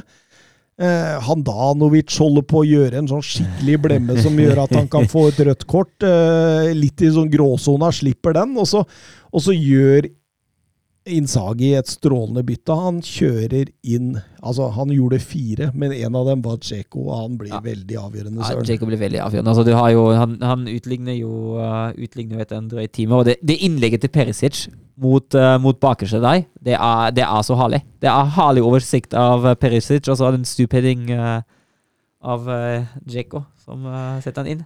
Det er ikke mye tilfeldigheter at Dzeko Dzeko står der heller. Fordi eh, det, det er Der ser du liksom at det er 15-20 sesonger med toppskårerjag Mm. når du finner det rommet bak der. Og og 1-1 der. og det, det, det satte jo fart på Inter umiddelbart. og Plutselig så kommer bevegelsene, så kommer pasningene. Ett touch, to touch, flere samtidig løp. Vidal syns jeg er god når han kommer inn. Brozovic tar ansvar. og, og um, Men det måtte straffespark til. Ja, og det var jo straffespark. Uh, Jaco som blir felt uh, av uh, Concilia. Og om om jeg må få si det, enda mer klønete. Ja, altså, da, eh, altså, da, altså Hva skal han da ute? Nei, er- på vei ut fra mål. Han trenger ikke å gå ut. Altså, det blir jo ikke farlig der ute umiddelbart. Jeg har skjønt det hvis han var sentralt foran mål, men da, ballen er jo på vei ut. Ja, Så jeg, jeg forstår ikke vurderinga han tar der. Uh, hyggelig å se JK i bakrom. Er ikke det, men eh, men, men, men samtidig, da. Altså, her gir jo eh, Consigli eh, Inter seieren. For eh, Martinez scorer på den, og så fortsetter Inter den gode streaken sin. og eh, på Twitter spør Jørn Henland før sesongen blei det diskutert over det store internettet, i podcaster og på TV om Inter skulle klare topp fire. Og garantert nesten ligagull til Juventus. Eh, Ble salg av Lukaku og bytte på trenersiden eh, overvurdert med tanke på laget de har. Kjernen er jo tross alt fortsatt på plass. Ja, du ser på meg. Mm. altså vi har jo tippet, eller Jeg har i hvert fall tippa dem topp fire. Jeg tippa Juventus som seriemester. Eh, det har sett litt bedre ut enn det jeg fryktet, men ikke noe sånn, ikke noe sånn outstanding. Um, som man sier, sentrallinja er der, forsvarsrekka er der. Eh, de mangler jo da Lukaku, som, som helt klart er et, eh, er et tap. Så er det en høyrebekk i Paris der de uh, mista òg. Jo, men Dumfries har jo så langt kommet inn og sett, Brukbar ut. brukbar ut, da. Så vi, vi, det må jo bare gjenstå å se. Jeg tror ikke Pippo Nei, Pippo Inzaghi, sier jeg. Simone. Simone eh, er jo ingen konte, så det kan også ha noe å si. Så jeg, jeg holder fortsatt ikke Inter som noe favoritt. Nei, jeg er enig i deg. Men at de klarer topp fire, det er jeg også ganske sikker på. Det har vi tippa før sesongen òg. Vi, vi står, tross eh, Henland sin lille sånn hint om at dette kan bli eh, seriegull nummer to. Ja, men han, altså han har altså Jeg, jeg syns jo, han synes jo han har, et, uh, har likevel et poeng, da. Men ja, vi kan jo ikke vingle. Ja, men, men, men samtidig, da, når i løpet av den sommeren så var det jo ikke snakk om bare Lukaku, Hakimi og Conte. Det var jo snakk om at Martinez skulle gå, det var snakk om at Liverpool skulle hente Barella, og så plutselig kunne den stopperekka kunne forsvinne. Å, Inter trenger mer penger! Ja, det, det, det er sånn, akkurat de økonomiske problemene som var jo det store problemet. Ja. For det, altså, altså er det jo det er jo klart, når du, når du egentlig sier at hele laget for salg, bare prisen er godt nok, uh, det skaper jo en uro i Orent-klubben òg. Men samtidig, de erstatta Lukaku med Cheko. Det er ingen dum eh, erstatning. Og, og Dumfries, som du sier, har tatt eh, rollen til, eh, til eh, Hakimi på en strålende måte. Og de fikk inn en trener som er litt Conte-ish. Ja, så fikk de Inshalanoglu for Eriksen, så de har jo erstatta hele veien der brukbart, da, hvis vi kan si det sånn. Eh, Og som man sier, Brozovic fortsatt der, er, var jo superviktig i fjor. Eh, Og stopperekka da med Skriniar, De Vrij og Bastoni også var Ja, og Correja kommer til å gjøre en strålende jobb, som han normalt sett har gjort for Simione. mm. Inzaghi. Um, vi går en tur til eh, Atalanta mot AC Milano, for det blei et eh, voldsomt oppgjør med fem mål totalt. starta jo brutalt for, for Atalanta, stakkar. De, de, de starter jo kampen her på 0-1. Eh, dårlig kommunikasjon bak der. En keeper som, eh, som rett og slett er litt slepphendt. Ja. Calabria får, får to muligheter. Først aleine, som han skyter midt på keeperen, men han slipper den jo rett ut i farlig rom. Og da, og da setter Calabria 1-0, og, og Musso, favoritten min, må vi snakke litt ned der, altså, for det er fryktelig dårlig keeperspill. Altså. Og 20 sekunder, det er, det er liksom det er sånn, Var det ikke en Rosenborg-stopper som fikk rødt kort etter 20 sekunder? Ja, Jo. Adam Andersson. Fullt Ja, fortjent. det er kjipt å starte Ja. kampen sånn. Altså. Men altså, da altså, Bare en liten uh, Jo, men som digresjon. Som trener, da. Altså, Ja, men altså, som, som digresjon, altså, hvis, du ser på, hvis du ser på den Rosenborg-situasjonen, er det bedre å bare slippe den inn i mål. Det er bedre å starte kampen på 0-1 enn å starte kampen med ti mann mindre pluss straff imot også. Eller mindre og straffe imot. ja, men altså, hele kampplanen som trener, da. Hele kampplanen! Etter 20 sekunder! Det er bare å pælme. Begynne på nytt. Ja, og det tenkte vel sikkert eh, Ja, Gasperini ja. På her òg. Men eh, Gasperini han har jo én vei å spille fotball, og det er forwards. Og, og de fortsetter jo med det. altså Produserer noen voldsomme sjanser på AC Ja, Milan. og, men ja, sterk i den kampen. Altså, han har noen enorme redninger der. Ja, Zapata burde vel hatt mål før han skårer der. også, ja, så- Diron og Malunovskij, og det, det var jo et voldsomt kjør på Manjan eh, en periode der. Men så er det et lite øyeblikks ukonsentrerthet av Remo Fleury. Ja, den, for- det, det, den, den da er utilgivelig, altså. Det er, det er fryktelig svakt. Blir pressa som bakerste mann og mister ballen. Ja, men du ser, du ser han mangler alternativet framover. Mm, Og så ja. blir han veldig sånn Hvorfor ikke bare spille Ja. støtta, liksom? ja, Eller måken ut, for Ja. den saks skyld. altså. Men uh, altså her røde jo at det er først en keepertabbe, og så den der til, eh, til Freuler. De ødelegger fryktelig mye for seg sjøl her, Atalanta. altså. Absolutt, absolutt. Og, og eh, Tonali, som har fått et kjempeløft denne sesongen, Mm. eh, setter eh, 2-0 alene med Musso. Da blir det tungt, altså. Selv for Atalanta hjemme. eh, Milan er gode ut av, blokkene i annen omgang også. og eh, Spesielt Musso sitt fantastiske redning på Salamakers skudd. Det Mm. det, er jo, det er jo rett og slett altså, Du kan si at han var litt uheldig, men, men der gjorde han opp for seg. Ja, er der, der- var det 1-1, ja. Eh, Rafael Leao gjør 0-3, og da tror man jo kampen er avgjort. Men så har eh, Gasperini og Atalanta satt inn et lite ekstra gir mot slutten, selv om det aldri blei helt spennende. Blei ikke Det det. gjorde ikke det, men det er klart, han fikk vel hjertet litt eh, Han økte vel pulsen litt der, Pjoli, når, eh, når måla begynte å komme imot der på slutten. Eh, Zapata som, som først eh, reduserer, og så er det vel eh, innbytter Pasalic som får en enkel jobb på bakerste på overtid der. Men jeg sitter og tenker på nå den der ah, toeren til AC Milan. Kessi og Tonali. Den begynner å se ekstremt sterk ut. Mm. Altså, eh, Kessi i denne kampen han vant flest dueller i kampen med 16. Han hadde flest klareringer med 5. Han vant flest frispark med 3, og han hadde en, rednings, nei, en pasningsprosent på 89. Eh, Det er et tidsspørsmål før han blir plukka på Ja. Premier League. For han har fysikken, han er sånn typisk Premier League-spiller. Men, men også en Tonali ved siden av som gjør det der lille ekstra. En deilig sentral midtbane. Jeg, jeg er eh, faktisk eh, hodestups beundring over det Pioli leverer nå Mm. for AC Milan, for dette her ser rett og slett solid ut, altså. Det er Sentrallinja Brahim Diaz òg, som liksom har, har tatt over etter Ja. Shalanoglu. Han har gjort det positivt, liksom. Ja, og de, han, eh, Leao ser bedre ut enn på lenge nå. Mm. Nå har de jo hatt skader på Zlatan, på Giro, på, på Mm. flere viktige offensive brikker der som skulle være med å dra det denne sesongen. Da. Så det, Rebic til og med begynner å se ut som en nier. Altså, Ja, altså, altså- da sier jeg 'begynner å se ut som'. Og så har de en, et tredjeblad Maldini som fikk sitt første mål her også. Så. Og en eh, Theo Hernandez som er mer wing enn back. Ja, men det, har, det var ikke noe nytt. Eh, Vi kan ta med at Napoli vant sin sjuende strake. Mm, eh, vant eh, 1-2 borte mot Fiorentina. Meget, meget eh, bra, det. Eh, skal sies at eh, rekorden til Napoli er 8 av 8 fra 17-18-sesongen under Sarri. Da ble de nummer to bak Juventus, så det kan jo bli sånn i denne sesongen også. Det kan jo alltids bli sånn. Nei, jeg er fortsatt over. Altså, jeg bare blitt så alt er jo fortsatt Ja da, Roma vinner dette, vet du. Det gjør de i hvert fall ikke. De ligger i hvert fall på Champions League, da. Ja, enn så lenge. Juventus eh, Nei, Juventus, jeg. Eh, Lazio gikk på et eh, braknederlag mot Bologna, mens eh, Roma, som du er inne på, Mats, de eh, cruisa inn 2-0 mot Empoli. og Det var Mourinhos 42. strake hjemmekamp i Serie A uten tap. Det er bra, Søren. Det er bra. Ja.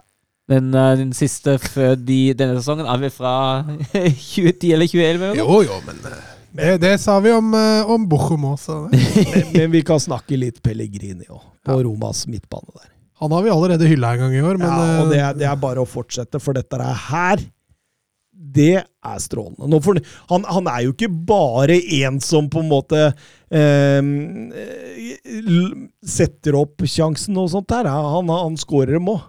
altså den offensive altså Ikke for å ta fra hyllinga di der nå, men den offensive trioen de har der, med Mkhitarian, Pellegrini og Sanjolo Det er ganske sexy. eh, Med en Abraham også, som har Ja. gått inn faktisk og gjort en strålende jobb der. Han, han blir liksom litt mye feilvendt og litt mer sånn kombinasjonsspiller, men samtidig ser det ut som passer han veldig bra. Altså.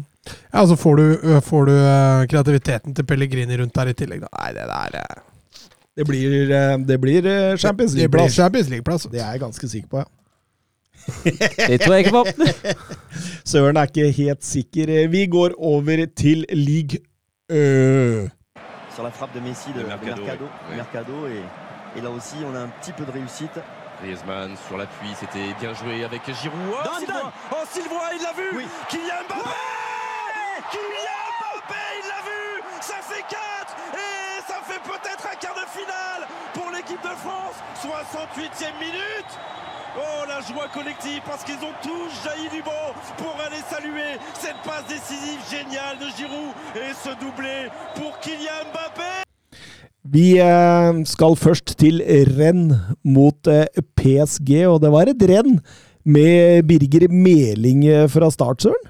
Ja, Hyggelig at han får starte. Og en av de norske landslagsspillerne som faktisk ikke ble skada nå denne helgen. her. Han er mye bedre enn Aston Villas target. I hvert fall ifølge Mats. Ja, altså, hadde Villa hatt uh, Beling nå, så hadde de slått Tottenham i helga, i hvert fall. Det, det, det, nå holder det. Nå holder det. Men, men, eh, Han hadde jo hatt orden på Son, han. men, men samtidig, renn har hatt litt vanskelig start på sesongen. De savner jo Doku med skade, og Kamavinga ble jo solgt til Real Madrid og har vært litt vanskelig å erstatte. Men eh, PSG stilte med gullrekka framme, så det er åpenbart uh... Men Renn har vel hatt OK koll på PSG Ja, de siste åra? Jeg tror i, i eh, Hva var det jeg leste? At uh, siden Qatar-overtakelsen er det ingen andre lag som har slått PSG så mye som Renn? Oi, oi, oi. Tror jeg mener å huske at jeg har lest. Men, men da, da passer det jo veldig bra også for uh, Renn sin trener, eh, Genesi, Bruno Genesio. Han, uh, han er den manageren som har slått eh, PSG flest ganger. Han har slått dem hele fire ganger etter QSI eh, kjøpte klubben. og Tre av dem er med Lyon, og én med Renn. Så da, da, da passer det jo veldig fint å, å dra den videre nå, da. Men, men, men kampen da, gutta, det var jo eh, for så vidt en positiv start. Jeg syns jo PSG etter hvert eh, kjører kampen der. Ja, tidlig tar de initiativ, spør du meg. Eh, dominerer jo egentlig fullstendig. Og Messi har vel en i tverrleggeren der, og Neymar har vel to gigantsjanser. Han skyter jo på 40. rad! Og Helt ufattelig. Pappa har også en sånn, så tror jeg. Ja, absolutt. Det, var, det var nok av sjanser der, men eh, Og de burde i hvert fall leda med et par før det smeller i motsatt. Ja, Men dette er litt sånn PSG-syndromet da, denne sesongen. At de har kjørt matchene, og så har de fått en sånn dupp. Ja. Eh, men da har de som regel leda med to. Nå er det jo 0-0, og så får de en i sekken. Absolutt. Svakt markering på bakerste der. Meling som drar opp det angrepet Ja, der. altså. Det er Skipper til Sulemana, som du har hatt som uh, ukas talent, Mats. Jeg finner Laborde uh, nydelig på bakerste der, og, og han gjør ingen feil. Kommer inn på blindsona til Nuno Mendes der, som er litt uoppmerksom. Litt urutinert er uh, min lille venstrebecks-favoritt Nuno Mendes. Men, og da blir det pause 1-0, og så tenker man jo at nå skal PSG ut og kjøre, og så smeller 2-0 Ja, før. I, i 20 sekunder inn i andre omgang. Altså, den der altså, så er vel utilgivelig en gang før på Milan, men den der er i hvert fall utilgivelig av hele laget. Altså, du står kampen av sparking, du står i etablert posisjon, og så smeller det 20 sekunder seinere. Det, altså, det, det skal nesten ikke gå nå. Det er et lag som har lyst til å vinne Champions League-gull. Da skal det i hvert fall ikke være mulig. Kanskje var litt Champions League hangover, dette Mm, her. Altså, mm. fordi det, Kan godt være det. Og så har jo dette glidd veldig denne sesongen i, i, i ligaen. Eh, er vel det første poengtapet generelt, det her, så de, de, dem, dem Og allikevel, selv med det tapet her, så er det langt ned til nestemann igjen, så Mm. At de trenger noen sånne nesestyvere for å holde det gående, det tror jeg de gjør. Og eh, de ser nesten litt paralysert utover i andre omgang òg, akkurat som det liksom på, på altså, det løsner ikke, nei. Ja, ikke sant? Og Mbappe ser jo ut som er den eneste reelle trusselen framover der. Altså, jeg syns Messi melder seg ut. Neymar eh, svak. Di Maria går rundt og surrer eh, med ryggen mot mål hele tida. Altså eh, Syns absolutt at det, sånn utover i annen omgang altså Hvis du tar førsteomgangen som helhet, så tenker du at dette skulle Paris Saint-Germain tatt. Men i løpet av annen omgangen der, så får du litt mer sånn Ja, kanskje det var litt greit. Mm. Mm. Nei, for Renn, jeg syns Renn nøytraliserer kampen mye bedre i andre omgang. Litt kanskje mentalt PSG, som aldri kommer opp på hesten, men eh, eh, all honnør til Renn, som dreper den kampen her i løpet av andre omgang. Absolutt. Det er taktisk enorm gjennomført kamp i, i en Agenesio der, som, som, eh, som gjør det strålende der. Og det, er uten en Kamavinga, som sagt, uten en Doku som er skada der. De har slitt litt i Conference League der. De Nei, det, det, det, det er spennende å se, altså. Spennende å se hva, hva det blir av renn denne sesongen. PSG i hvert fall, de kommer til å vinne eh, league Ø, men at dette er nok for Champions League, det blir jeg mer usikker på, altså. Men, men dette var bunnivået til PSG, føler jeg. Ja. De kommer ikke, De kommer ikke noe lavere toucher ikke der så ofte denne sesongen. Og i hvert fall ikke i CL. Men samtidig så tenker jeg, når skal de kjøre 3-4-3? Jeg Ja. tror det passer dem så Ja, det, er, ekstremt det har vi jo nevnt så mange ganger. Og de har jo også spillere til det. Ja. Hvorfor ikke bare kjøre på med det? Det virker ja, som han er veldig, på Ramos. jeg tror han er veldig glad i Messi i den tierrollen. Mm. For den har han kjørt en del ganger nå. Da får han inn både Neymar, Mbappe, Di Maria og Messi. Men du kan, du kan jo spille en, eh, en form for 3-4-1-2, 3-4-2-1. Det går jo an med de spillerne han har på topp da. Jo, men eh, da blir det veldig tynt på kanta, da. Nei, Hakimi og Nuno Menna. Ordnere. ordnere. Ja, Men, men, men Didrik Tofte Nilsen spør på Twitter her. Eh, mye har blitt sagt om Messi i PSG. Dere kåret han til årets kjøp. Eh, fortsatt like sikre, eller var dere blenda av historien? Hilsen kritiske Didrik. Ja, Blenda av historien, det kommer jeg alltid til å være. ja, Men, men, altså, men, men, er ikke objektiv når det kommer til Messi. Nei, men, så men så er jo greia, altså Messi det er ikke sånn at han var god for ti altså, Jo, han var jo god for ti år siden, det òg, men det er ikke sånn at han, det er, det er ikke sånn at han ikke har prestert eh, Altså han ikke har prestert uh, fremragende i forrige sesong, for det har han jo òg. Så det er jo, altså den historien er jo ekstremt ny historie. Ja, men, men, men det han er ute etter, Didrik, her, da, tror jeg det er om vi fortsatt holder ord på at det var det beste kjøpet denne sesongen. Ja, altså ut ifra forutsetninger som var gitt eh, på overgangsvinduet, definitivt. Eh, og jeg tror Messi kommer til å, til å gjøre det bra i PSG. Jeg leste da at eh, det var en ting PSG-garderoben var satt ut av når det gjaldt Messi. da. Det er at han er så stille. Han gjør ikke noe ut av seg, verken i garderoben eller tar ikke noe plass på treningsfeltet eller noe sånt også. Og der tror jeg at Messi nå er litt ute av komfortsonen sin. da. Men jeg ser det jo på når han går på banen, at da, da er han litt samme, det er litt samme driven i det. det er litt sånn. Så jeg tror også det der løsner etter hvert. altså. Mm, mm. Han hadde jo et helt ålreit mål mot Manchester City. Jeg var helt ålreit, ja. Mm. Ja.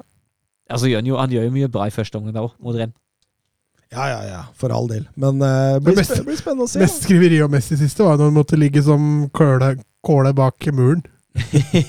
Hva kaller man det? Eh, og når han ligger bak muren Ja. for å hindre når muren hopper opp. Ja, Eh, Det har fått et navn, nemlig. Laks. Er det laks? Nei, Nei, det er ikke laks. Fisk. Nei. Ja, det er ikke det. Jeg vet ikke. Har, har det fått et navn? Jeg har fått et navn, ja. Driver du og googler nå, eller? Jeg skal gå inn og google. Det er engelsk, da. Det er ikke norsk. Ja, ok. Lax. Jeg skal høre. Fish. Jeg veit ikke. så, så. Jeg, jeg har ikke peiling. Jeg første gang jeg hører at jeg har fått et navn. Ja, jeg har ikke peiling. Det er, det er morsomt. Det blir spennende å se noen Ja. driver han og googler. Mannen bak murene. Anmeldelse. Han er god på Google òg, skjønner jeg. Nei, jeg var, jeg var ikke noe god til å søke. Det var dårlig søkeord. Mm. Hva, kaller, hva, hva sier man da? Mann bak muren? Player behind the wall. Lying behind the wall. Går det an å si det? Player lies down behind the wall, skal vi se. Dette blir god podkast. to sitter Nei, men altså, det, det står Nei, veit du hva? Det står, jeg finner ikke noe Nei, navn. bare fortsett. Jeg skal finne det. Ja, vi, vi, vi kan ta med oss eh, resultatet mellom eh, Nice Breasts 2-1.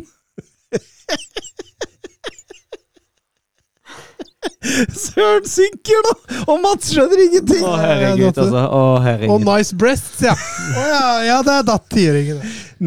Nis mot Brest endte 2-1 eh, der. Og positivt for eh, Nis at Dolberg er tilbake ja. i laget. Det er absolutt.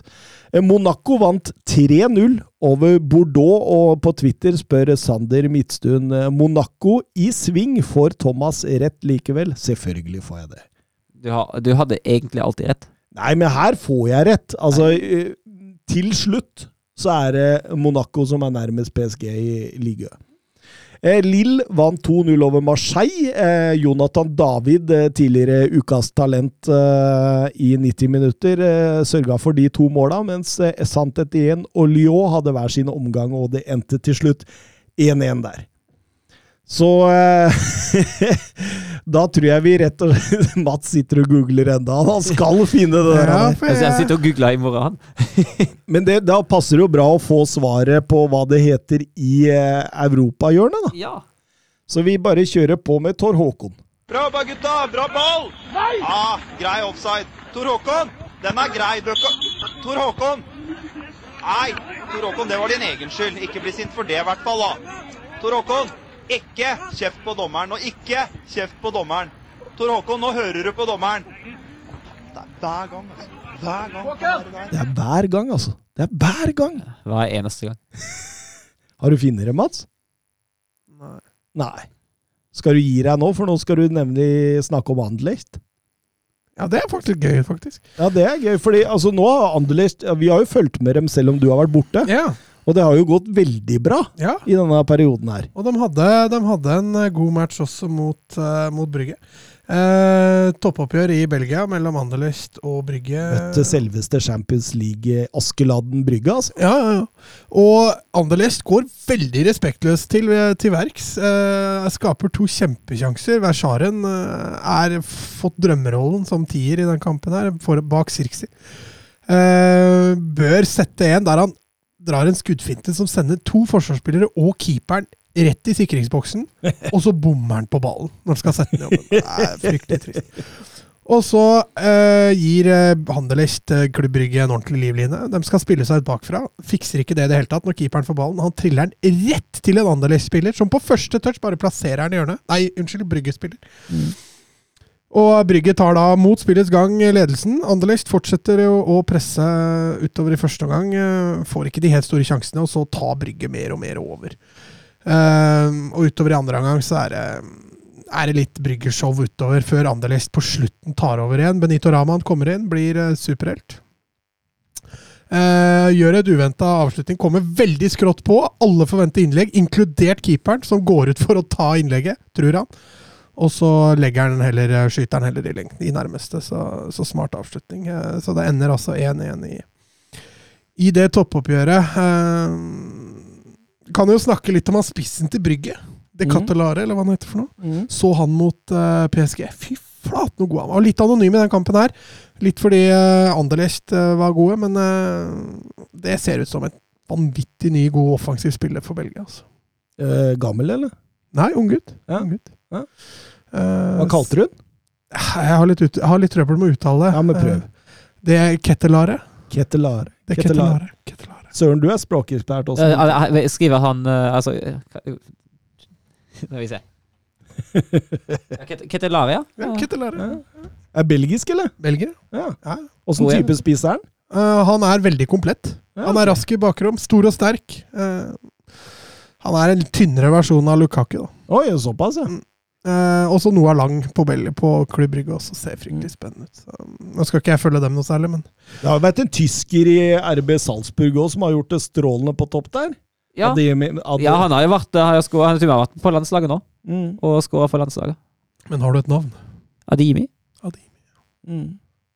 Gjør det bra under en ung tysk trener i RB Salzburg nå. En som gikk eh, Leste litt om henne i dag, husker ikke et navnet hans. Uh, Mathias et eller annet. Uh, gått eh, RB Leipzig-skolen, og, så- og så dro han til Brønnby og var assistenttrener der i et par år. og Så har han kommet tilbake til, til Red Bull-systemet nå. Er under som, som hovedtrener i Salzburg nå. Er bare 33 år gammel, så det er spennende. Mathias Geisle. Ja. Har, spilt, uh, har spilt litt i Bundesliga for, uh, for Hoffenheim. Så det, det er litt spennende. Jeg leste første gang om den i dag, faktisk. For jeg t- satt og tenkte på hvem er det som er trener i Salzburg nå? Hvem tar over Leipzig om et par år? Ja. Er det er jo det, det er jo der det vil gå, ikke sant? Ja. Når Bruno Mars finner ut at han uh, Bruno, Bruno Mars, er ikke det han sangeren? er Jesse Mars! Dette er Roma-hjørnet! Her, her slår vi oss eh, virkelig løs.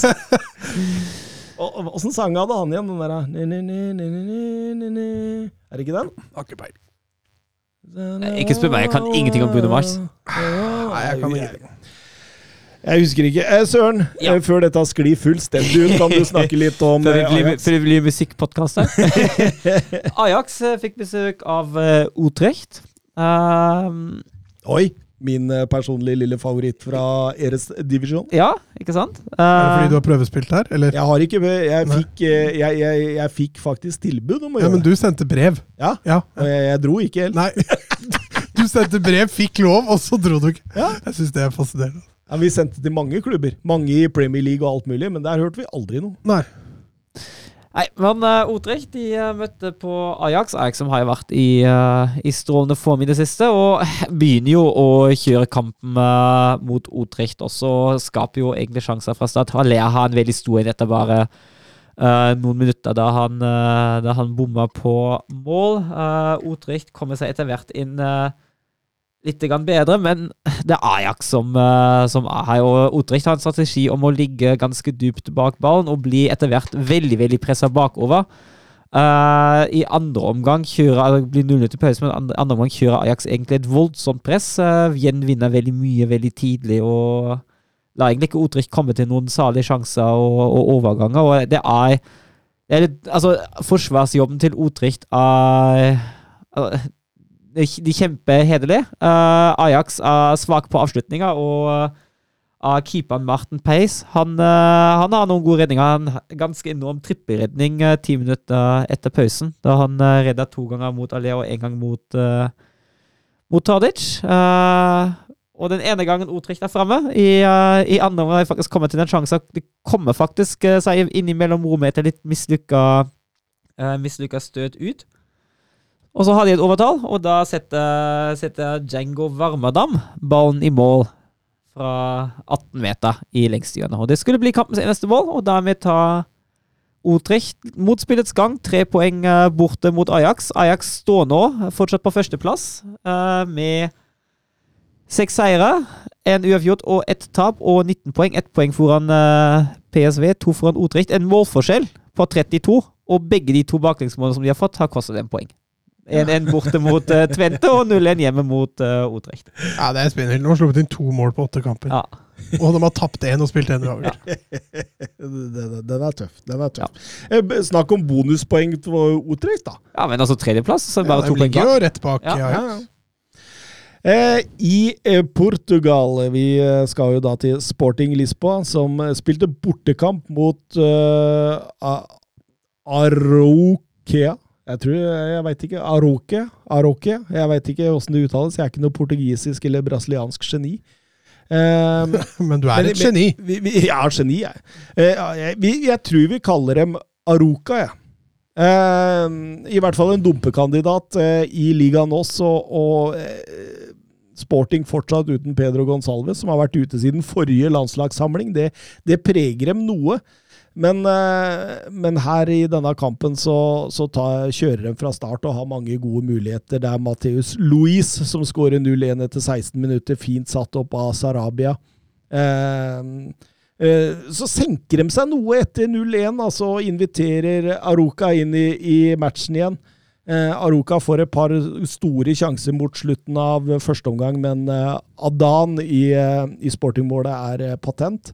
Eh, likevel, de får rett etter annen omgang, så får eh, starter, så får de eh, 1-1. En fin kontring der eh, hvor Dabag setter eh, 1-1 eh, strålende, men eh, Sporting eh, eh, snur det igjen eh, to minutter eh, etter. eh, Vrir fint fra høyre mot venstre. Sarabia som, som finner Santo, som fyrer av Ribeiro i, i Aroca-målet. Han er uheldig og får den liksom under seg, på en måte.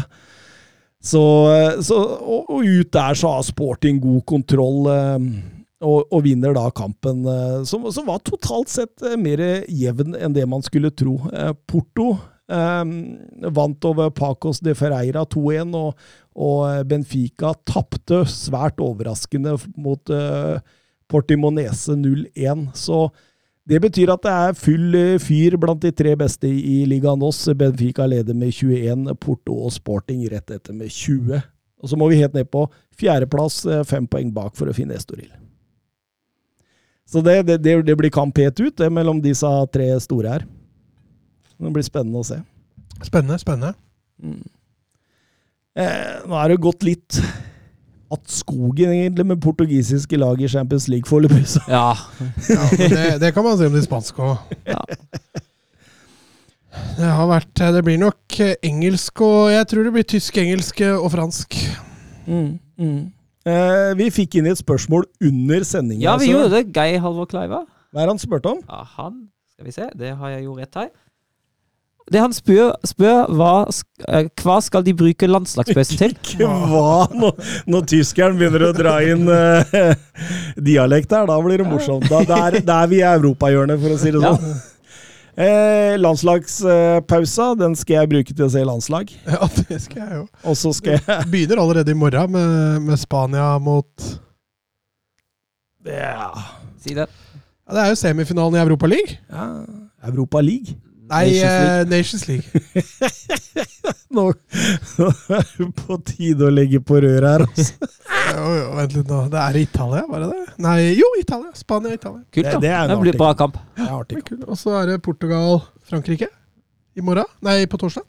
Så drar han opp telefonen sin Ja, det var bra du, det var bra du fullførte med telefonen der, i hvert fall. Frank, eh, Belgia-Frankrike var det, da. Er gang gærent! Jeg tror vi gir oss mens leken er god, og så sier vi at vi kommer til å se mye fotball i landslagspausen. Ja, det skal være visst.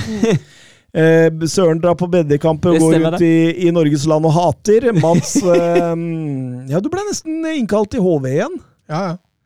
Det var noe, De skal ha noen sånne der kontroller og sånn, vet du, men det styrte vi glatt unna. Ja, jeg, sa, jeg sa det til en kompis av meg som er ganske inne i HV, og han sa åh, det er godt betalt. Det burde han hoppe på. Det var ikke Mats. Ja, han kjenner meg godt, han kompisen din. Ja, han gjør det. han gjør det. Mens jeg, jeg eh, ja, drar en tur til Hamar og ser eh, eh, Hamar Elitecup. Mm, jeg drar og ser på et par av jentene som skal spille kretslag, så det blir gøy. Ja. Skal vi si ha det bra? Ha det bra. Snakkes! Messi. Surging forward with real menace here. Brilliant from Messi.